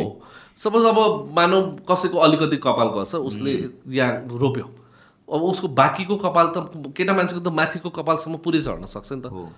सो रोपेको बस्यो तर अरू कपाललाई बचाउन चाहिँ हामी सल्लाह दिन्छौँ नि त। यो बचाउनलाई तपाईँले यसो युज अब कसैले युज गरेन भने भोलि पर्सि तालु पनि बढ्यो भने त त्यो ठाउँमा चाहिँ रोप्नुपर्ने आवश्यकता हुनसक्छ सो जुन ट्रान्सप्लान्ट गरिसकेको कपाल छ त्यसलाई चाहिँ खासै केही पनि प्रब्लम हुँदैन। This is the concept of transplant अहिलेसम्मको जुन प्रिन्सिपल छ त्यसमा चाहिँ के भन्छ भने जहाँबाट हामीले कपाल झिर्यो त्यसको जराको जुन क्यारेक्टर्सहरू चाहिँ त्यही भएर बस्छ भनेर चाहिँ ट्रान्सप्लान्ट कपाललाई मेन्टेनेन्स चाहिँदैन भने सो नाउ यत्रो हामीले यो एभ्रिथिङको बारेमा डिस्कस गरिसक्यो विथ फलिडर्म तपाईँको actually you been doing it for कति आठ वर्ष जस्तो गर्छ नेपालमा मलाई it's like eighth year running छ अहिले है। So where do you plan to go with this C म चाहिँ अब म इन्डियामा पनि धेरै वर्ष काम गरेँ नेपालमा पनि। अहिलेसम्मको जर्नी एकदमै राम्रो छ है। सो पेसेन्टहरूले एकदम हामीलाई ट्रस्ट गराएको छ इट फिल्स रियली गुड होइन। सबै पेसेन्ट र हामीले पनि जब हाम्रो लागि त खुसी भनेको when my work will change patient life होइन। त्यो खुसी चाहिँ त्यो हो होइन। सो अहिले पनि अलिकति के छ भने म कति पेसेन्टहरूलाई भेट्छु कि? नेपालमा कुराहरू राम्रो हुन्छ भन्ने ट्रस्ट पनि हुँदैन। सो कसैको ब्याड एक्सपिरियन्सेसहरू होला केही होला तर यतिकै पनि कतिले हुन्छ नि हाम्रो नर्मल मान्छेको हाम्रो पनि साथीभाइहरू परिवारमा सोचेको हुन्छ नेपालमा कुनै उपचार राम्रो नहोला भनेर। सो मलाई चाहिँ यो कुरा पेसेन्टहरूलाई भन्छ नेपालमा जति इनफ्याक्ट बाहिर हुन्छ त्योभन्दा पनि राम्रो ट्रान्सप्लान्ट आजकल हुन्छ। इनफ्याक्ट मेरो एम चाहिँ के छ भने जस्तै कतिपय उहाँ सुशीलजीसँग पनि कुरा भएको थियो। उहाँ चाहिँ म टर्की गएर पनि गराउने सोच थियो मलाई भन्नुभएको थियो कि। मैले उहाँलाई भने एउटा स्टेटमेन्ट कि मेबी लाइक त्योभन्दा कम क्वालिटीको चाहिँ यहाँ हुँदैन भनेर तपाईँलाई म यति मात्र भन्न सक्छु। धेरै पेसेन्टहरू आउँछ। टर्कीको नाम धेरैले लिन्छ। कोही पेसेन्टले युएसमा पनि गराउँछ। गराउँछ नि त so now I know that Turkey especially मैले धेरै पेसेन्टहरूबाट सुन्छु। And we know that internationally Turkey is renowned for hair transplantation अब इट हेज टर्कीले स्ट्याब्लिस गरिसक्यो आफूलाई as a destination for medical tourism especially यो हेयर ट्रान्सप्लान्टहरूको लागि होइन मैले चाहिँ त्यो पोटेन्सियल नेपालमा देख्छु क्या मैले यहाँको पेसेन्टको मात्र विश्वास भन्दा पनि किनभने मेरोमा पनि अहिले जस्तै लगभग फोर्टी फाइभ कन्ट्रिज जस्तोबाट पेसेन्टहरू आइसकेछ। इभन त्यहीँको फर्नर्सहरू नै आएर मेरोमा ट्रान्सप्लान्ट गराउ गराउनु भएको छ र दे आर ह्याप्पी। सो मलाई लाग्छ कि म म यो कुरामा चाहिँ पोटेन्सियल देख्छु। मेरो चाहिँ सोच के छ भने म फलिडम or maybe as a Nepal नै मैले यस्तो एउटा centre for medical tourism place for medical tourism destination for medical maybe in only not only in hair transplant सेक्टरमा गर्न सक्ने हो मैले होइन? जुन मलाई थाहा छ कि यहाँ द क्वालिटी दिन सक्छौँ हामीले होइन? सो मेरो सोच सपना चाहिँ त्यो हो होइन? अब हामी यो बाटोतिर लागिरहेछौँ तर अहिले पनि यो बाटो लामो छ कि? यसमा चाहिँ हामीले सपोर्ट आफूले आफूले गर्ने कुराहरूभन्दा पनि हामीले धेरै निकायहरूबाट गभर्मेन्टहरू गभर्मेन्टबाट हामीलाई सपोर्ट चाहिन्छ। किनभने काम मैले गर्ने कामले मात्र पनि हुँदैन होइन? हाम्रो देशमा बाहिरबाट आउने टुरिस्टहरूले पेसेन्टहरूले यो ठाउँ सेफ छ। यहाँ राम्रो ट्रान्सप्लान्ट हुन्छ। अकाउन्टेबिलिटी हुनु पऱ्यो गरेको कामको यहाँ एउटा त्यो ट्रस्ट फ्याक्टर हामीले बिल्डअप गर्नु पऱ्यो। जुन चाहिँ अहिले हाम्रै नेपालीहरूलाई पनि छैन कि? नेपालमै राम्रो उपचार हुन्छ हामी सिङ्गापुर थाइल्यान्ड कहाँ कहाँ उपचार गराउन चाहन्छौँ? त्यो त्यो कुरा चाहिँ म हटाउन चाहन्छु। नेपालीहरूको ट्रस्ट जित्ने र इभन विदेशीहरूको मात्र किनभने मैले त्यो मेरो कामले एप्रिसिएट गरेको मैले देखेको छु कि आफैले फिल गरेको छु र मलाई लाग्छ यसलाई हामी गर्न सक्छौँ तर अलिकति हामीलाई ड्रब्याक चाहिँ के हुन्छ भने कति मान्छेहरूले ट्रस्ट गर्दैनन् कि नेपालमा पनि यस्तो हुन्छ र भनेर। मेबी हामीले नेपाललाई एज अ हेल्थ केयर प्रोभाइडरको रूपमा राम्रो इमेज बनाउन सकेको छैन अरू त्यहाँतिर हामीले फोकस नगरेको होला। तर अलि एफर्ट हाल्ने हो भने मेबी लाइक हामीले गभर्मेन्टले अलि यो कुरालाई प्रमोट गरे हुन्थ्यो इन्टरनेसनल प्लेटफर्ममा। यहाँको पनि हामीले क्वालिटी राम्रो छ भने निकायहरूले सम्बन्धित काउन्सिलले जुन पनि सम्बन्धित डिपार्टमेन्टहरूले यहाँ क्वालिटी कन्ट्रोल गर्ने नियमहरू ल्याएर यो सेफ ठाउँ छ यो यो राम्रो ठाउँ छ भनेर काम चाहिँ धेरै गर्नुपर्ने देखिएको छ। तर यो एउटा पोटेन्सियल कुरा हो कि जसमा हामीले चिन सुरुमा चाहिँ हामीले यसरी पनि चिनाउन सक्छौँ। अब नेपाल यतिकै पनि टुरिस्टहरू आउने ठाउँ छ। यो it is full of natural beauty heritage यहाँको कल्चर टुरिस्टहरूले मन पराउँछ यहाँ मेबी उनीहरूलाई नै पनि यो फेसिलिटी दिएर एउटा आफ्नो प्रचार प्रसार गर्न सक्छौँ। पछि सायद हामीले गराउने उद्देश्य ट्रान्सप्लान्टको उद्देश्यले आएर पछि नेपाल घुम्ने त्यो प्राइमरी अब्जेक्टिभ हामी मेरो चाहिँ ट्रान्सप्लान्ट यस्तो एस्थेटिक सर्भिसेसहरू केही हामी दिन सक्छौँ भन्ने सोच छ अलिअलि लागेको पनि छौँ तर I believe it is a long road you know and I am trying let see how it goes किनभने दाँतको लागि चाहिँ एटलिस्ट नेपालीहरू चाहिँ फर्केर आउँछन् यहाँतिर दाँतको प्रोसिजर दाँतको जस्तै आउँछ हेर्नुहोस् त्यो पनि अब मेडिकल टुरिज्ममा पनि दुईवटा पार्ट छ हेर्नुहोस् एउटा चाहिँ अब दाँतहरू यस्तो ट्रिटमेन्टहरूको लागि पनि आउने भनेको खास हाम्रै अब नेपाली दाजुभाइहरू जुन बाहिर बसिरहेछन् होइन? उनीहरू नेपाल आएको बेला गराउँछ। किन त्यसको मेन रिजन चाहिँ के छ भने इन्सुरेन्सले डेन्टल ट्रिटमेन्ट बाहिरतिर कभर गर्दैनन् र त्यो नगरेपछि पकेटबाट खर्च गर्दा त्यो धेरै कस्टली हुन्छ। अहिले पनि medical सर्भिसेसको cost compare to develop countries नेपालमा थोरै छ। सो नेपाल आएको बेला दाँतको काम पनि गराउँ अनि किनभने सो अब हेयर ट्रान्सफर पनि त्यस्तै हो। कुनै पनि देशमा इन्सुरेन्सले कभर गर्दैन यो कुराहरू होइन? सो अलि राम्रो ठाउँ र सस्तो ठाउँमा गराउँदा पनि हुन्छ। सो बाहिरको देशको तुलनामा त हेयर ट्रान्सफर नेपालमा अहिले पनि धेरै सस्तो छ। सो यो कुराहरू चाहिँ छ होइन? यो कुराहरू चाहिँ छ अब यसमा एफर्ट पनि लगाइरहेछौँ। क्रेडिबिलिटी पहिला आफ्नो बढाउनु पऱ्यो है? अनि सबै कुरा धेरै कुराहरू छ गर्नुपर्ने। Let's see how it goes so for example टर्कीले चाहिँ के कुरा राइट गरेर हाउ डिड इट बिकम एउटा हेयर ट्रान्सप्लान्टको हब नै ग्लोबली जस्तै मैले अहिलेसम्म जुन रिसर्च गरेँ जस्तै एउटा चाहिँ सर्भिसमा जस्तै मेरो क्लिनिक छ होइन। मैले पेसेन्ट अब मेरो पेसेन्ट आउनेवाला छ भने जस्तै धेरै पेसेन्टहरूले भन्छ जस्तै उहाँ अब पिक गर्ने त्यो अफ उसको क्लिनिकबाट ट्याक्सी गयो कार गयो उसको होटेलहरू अरेन्ज गराइदियो उसको ट्रान्सप्लान्ट सो सबै फुडिङ लजिस्टिक्सहरू उसलाई घुमाउने पनि क्लिनिकले एउटा चाहिँ क्लिनिकले गर्ने कुरा। अर्को चाहिँ अब जस्तै मेडिकल भिजाहरू पाउन टर्कीमा सजिलो छ। इभन एयरपोर्टतिर नै अब यति धेरै त्यसो त्यहाँ ट्रान्सलेटर्सहरू राखिदिएको छ। है ट्रान्सलेटरहरू छ जसले चाहिँ तपाईँले सजिलो गराइदिन्छ। सो ओभरअल एक्सपिरियन्स राम्रो गरिदिएको छ कि होइन? सो अब बाहिर हामीले त्यो हरेक तर्फबाट आउने मान्छेलाई एउटा पोजिटिभ इन्भाइरोमेन्ट एउटा सपोर्टिभ इन्भाइरोमेन्ट देखायौँ नि त सो त्यो त्यसले क्लाइन्टको एक्सपिरियन्स राम्रो गरिदिन्छ कि? सो मैले बुझेको अहिलेसम्म त्यो कुरा छ र प्रमोट गर्छ लाइक गभर्मेन्टले पनि आफ्नो आफ्नो तर्फबाट जति यसको प्रचार प्रसार गर्न त्यो पनि गर्छ होइन? So this are good things which are happening there होइन हामीले यत्रो डिस्कस गरिसक्यो towards the end what do you like to convey to the people watching at home होइन मैले चाहिँ मेरो अब मेन सुशीलजी पनि आउनुभयो होइन?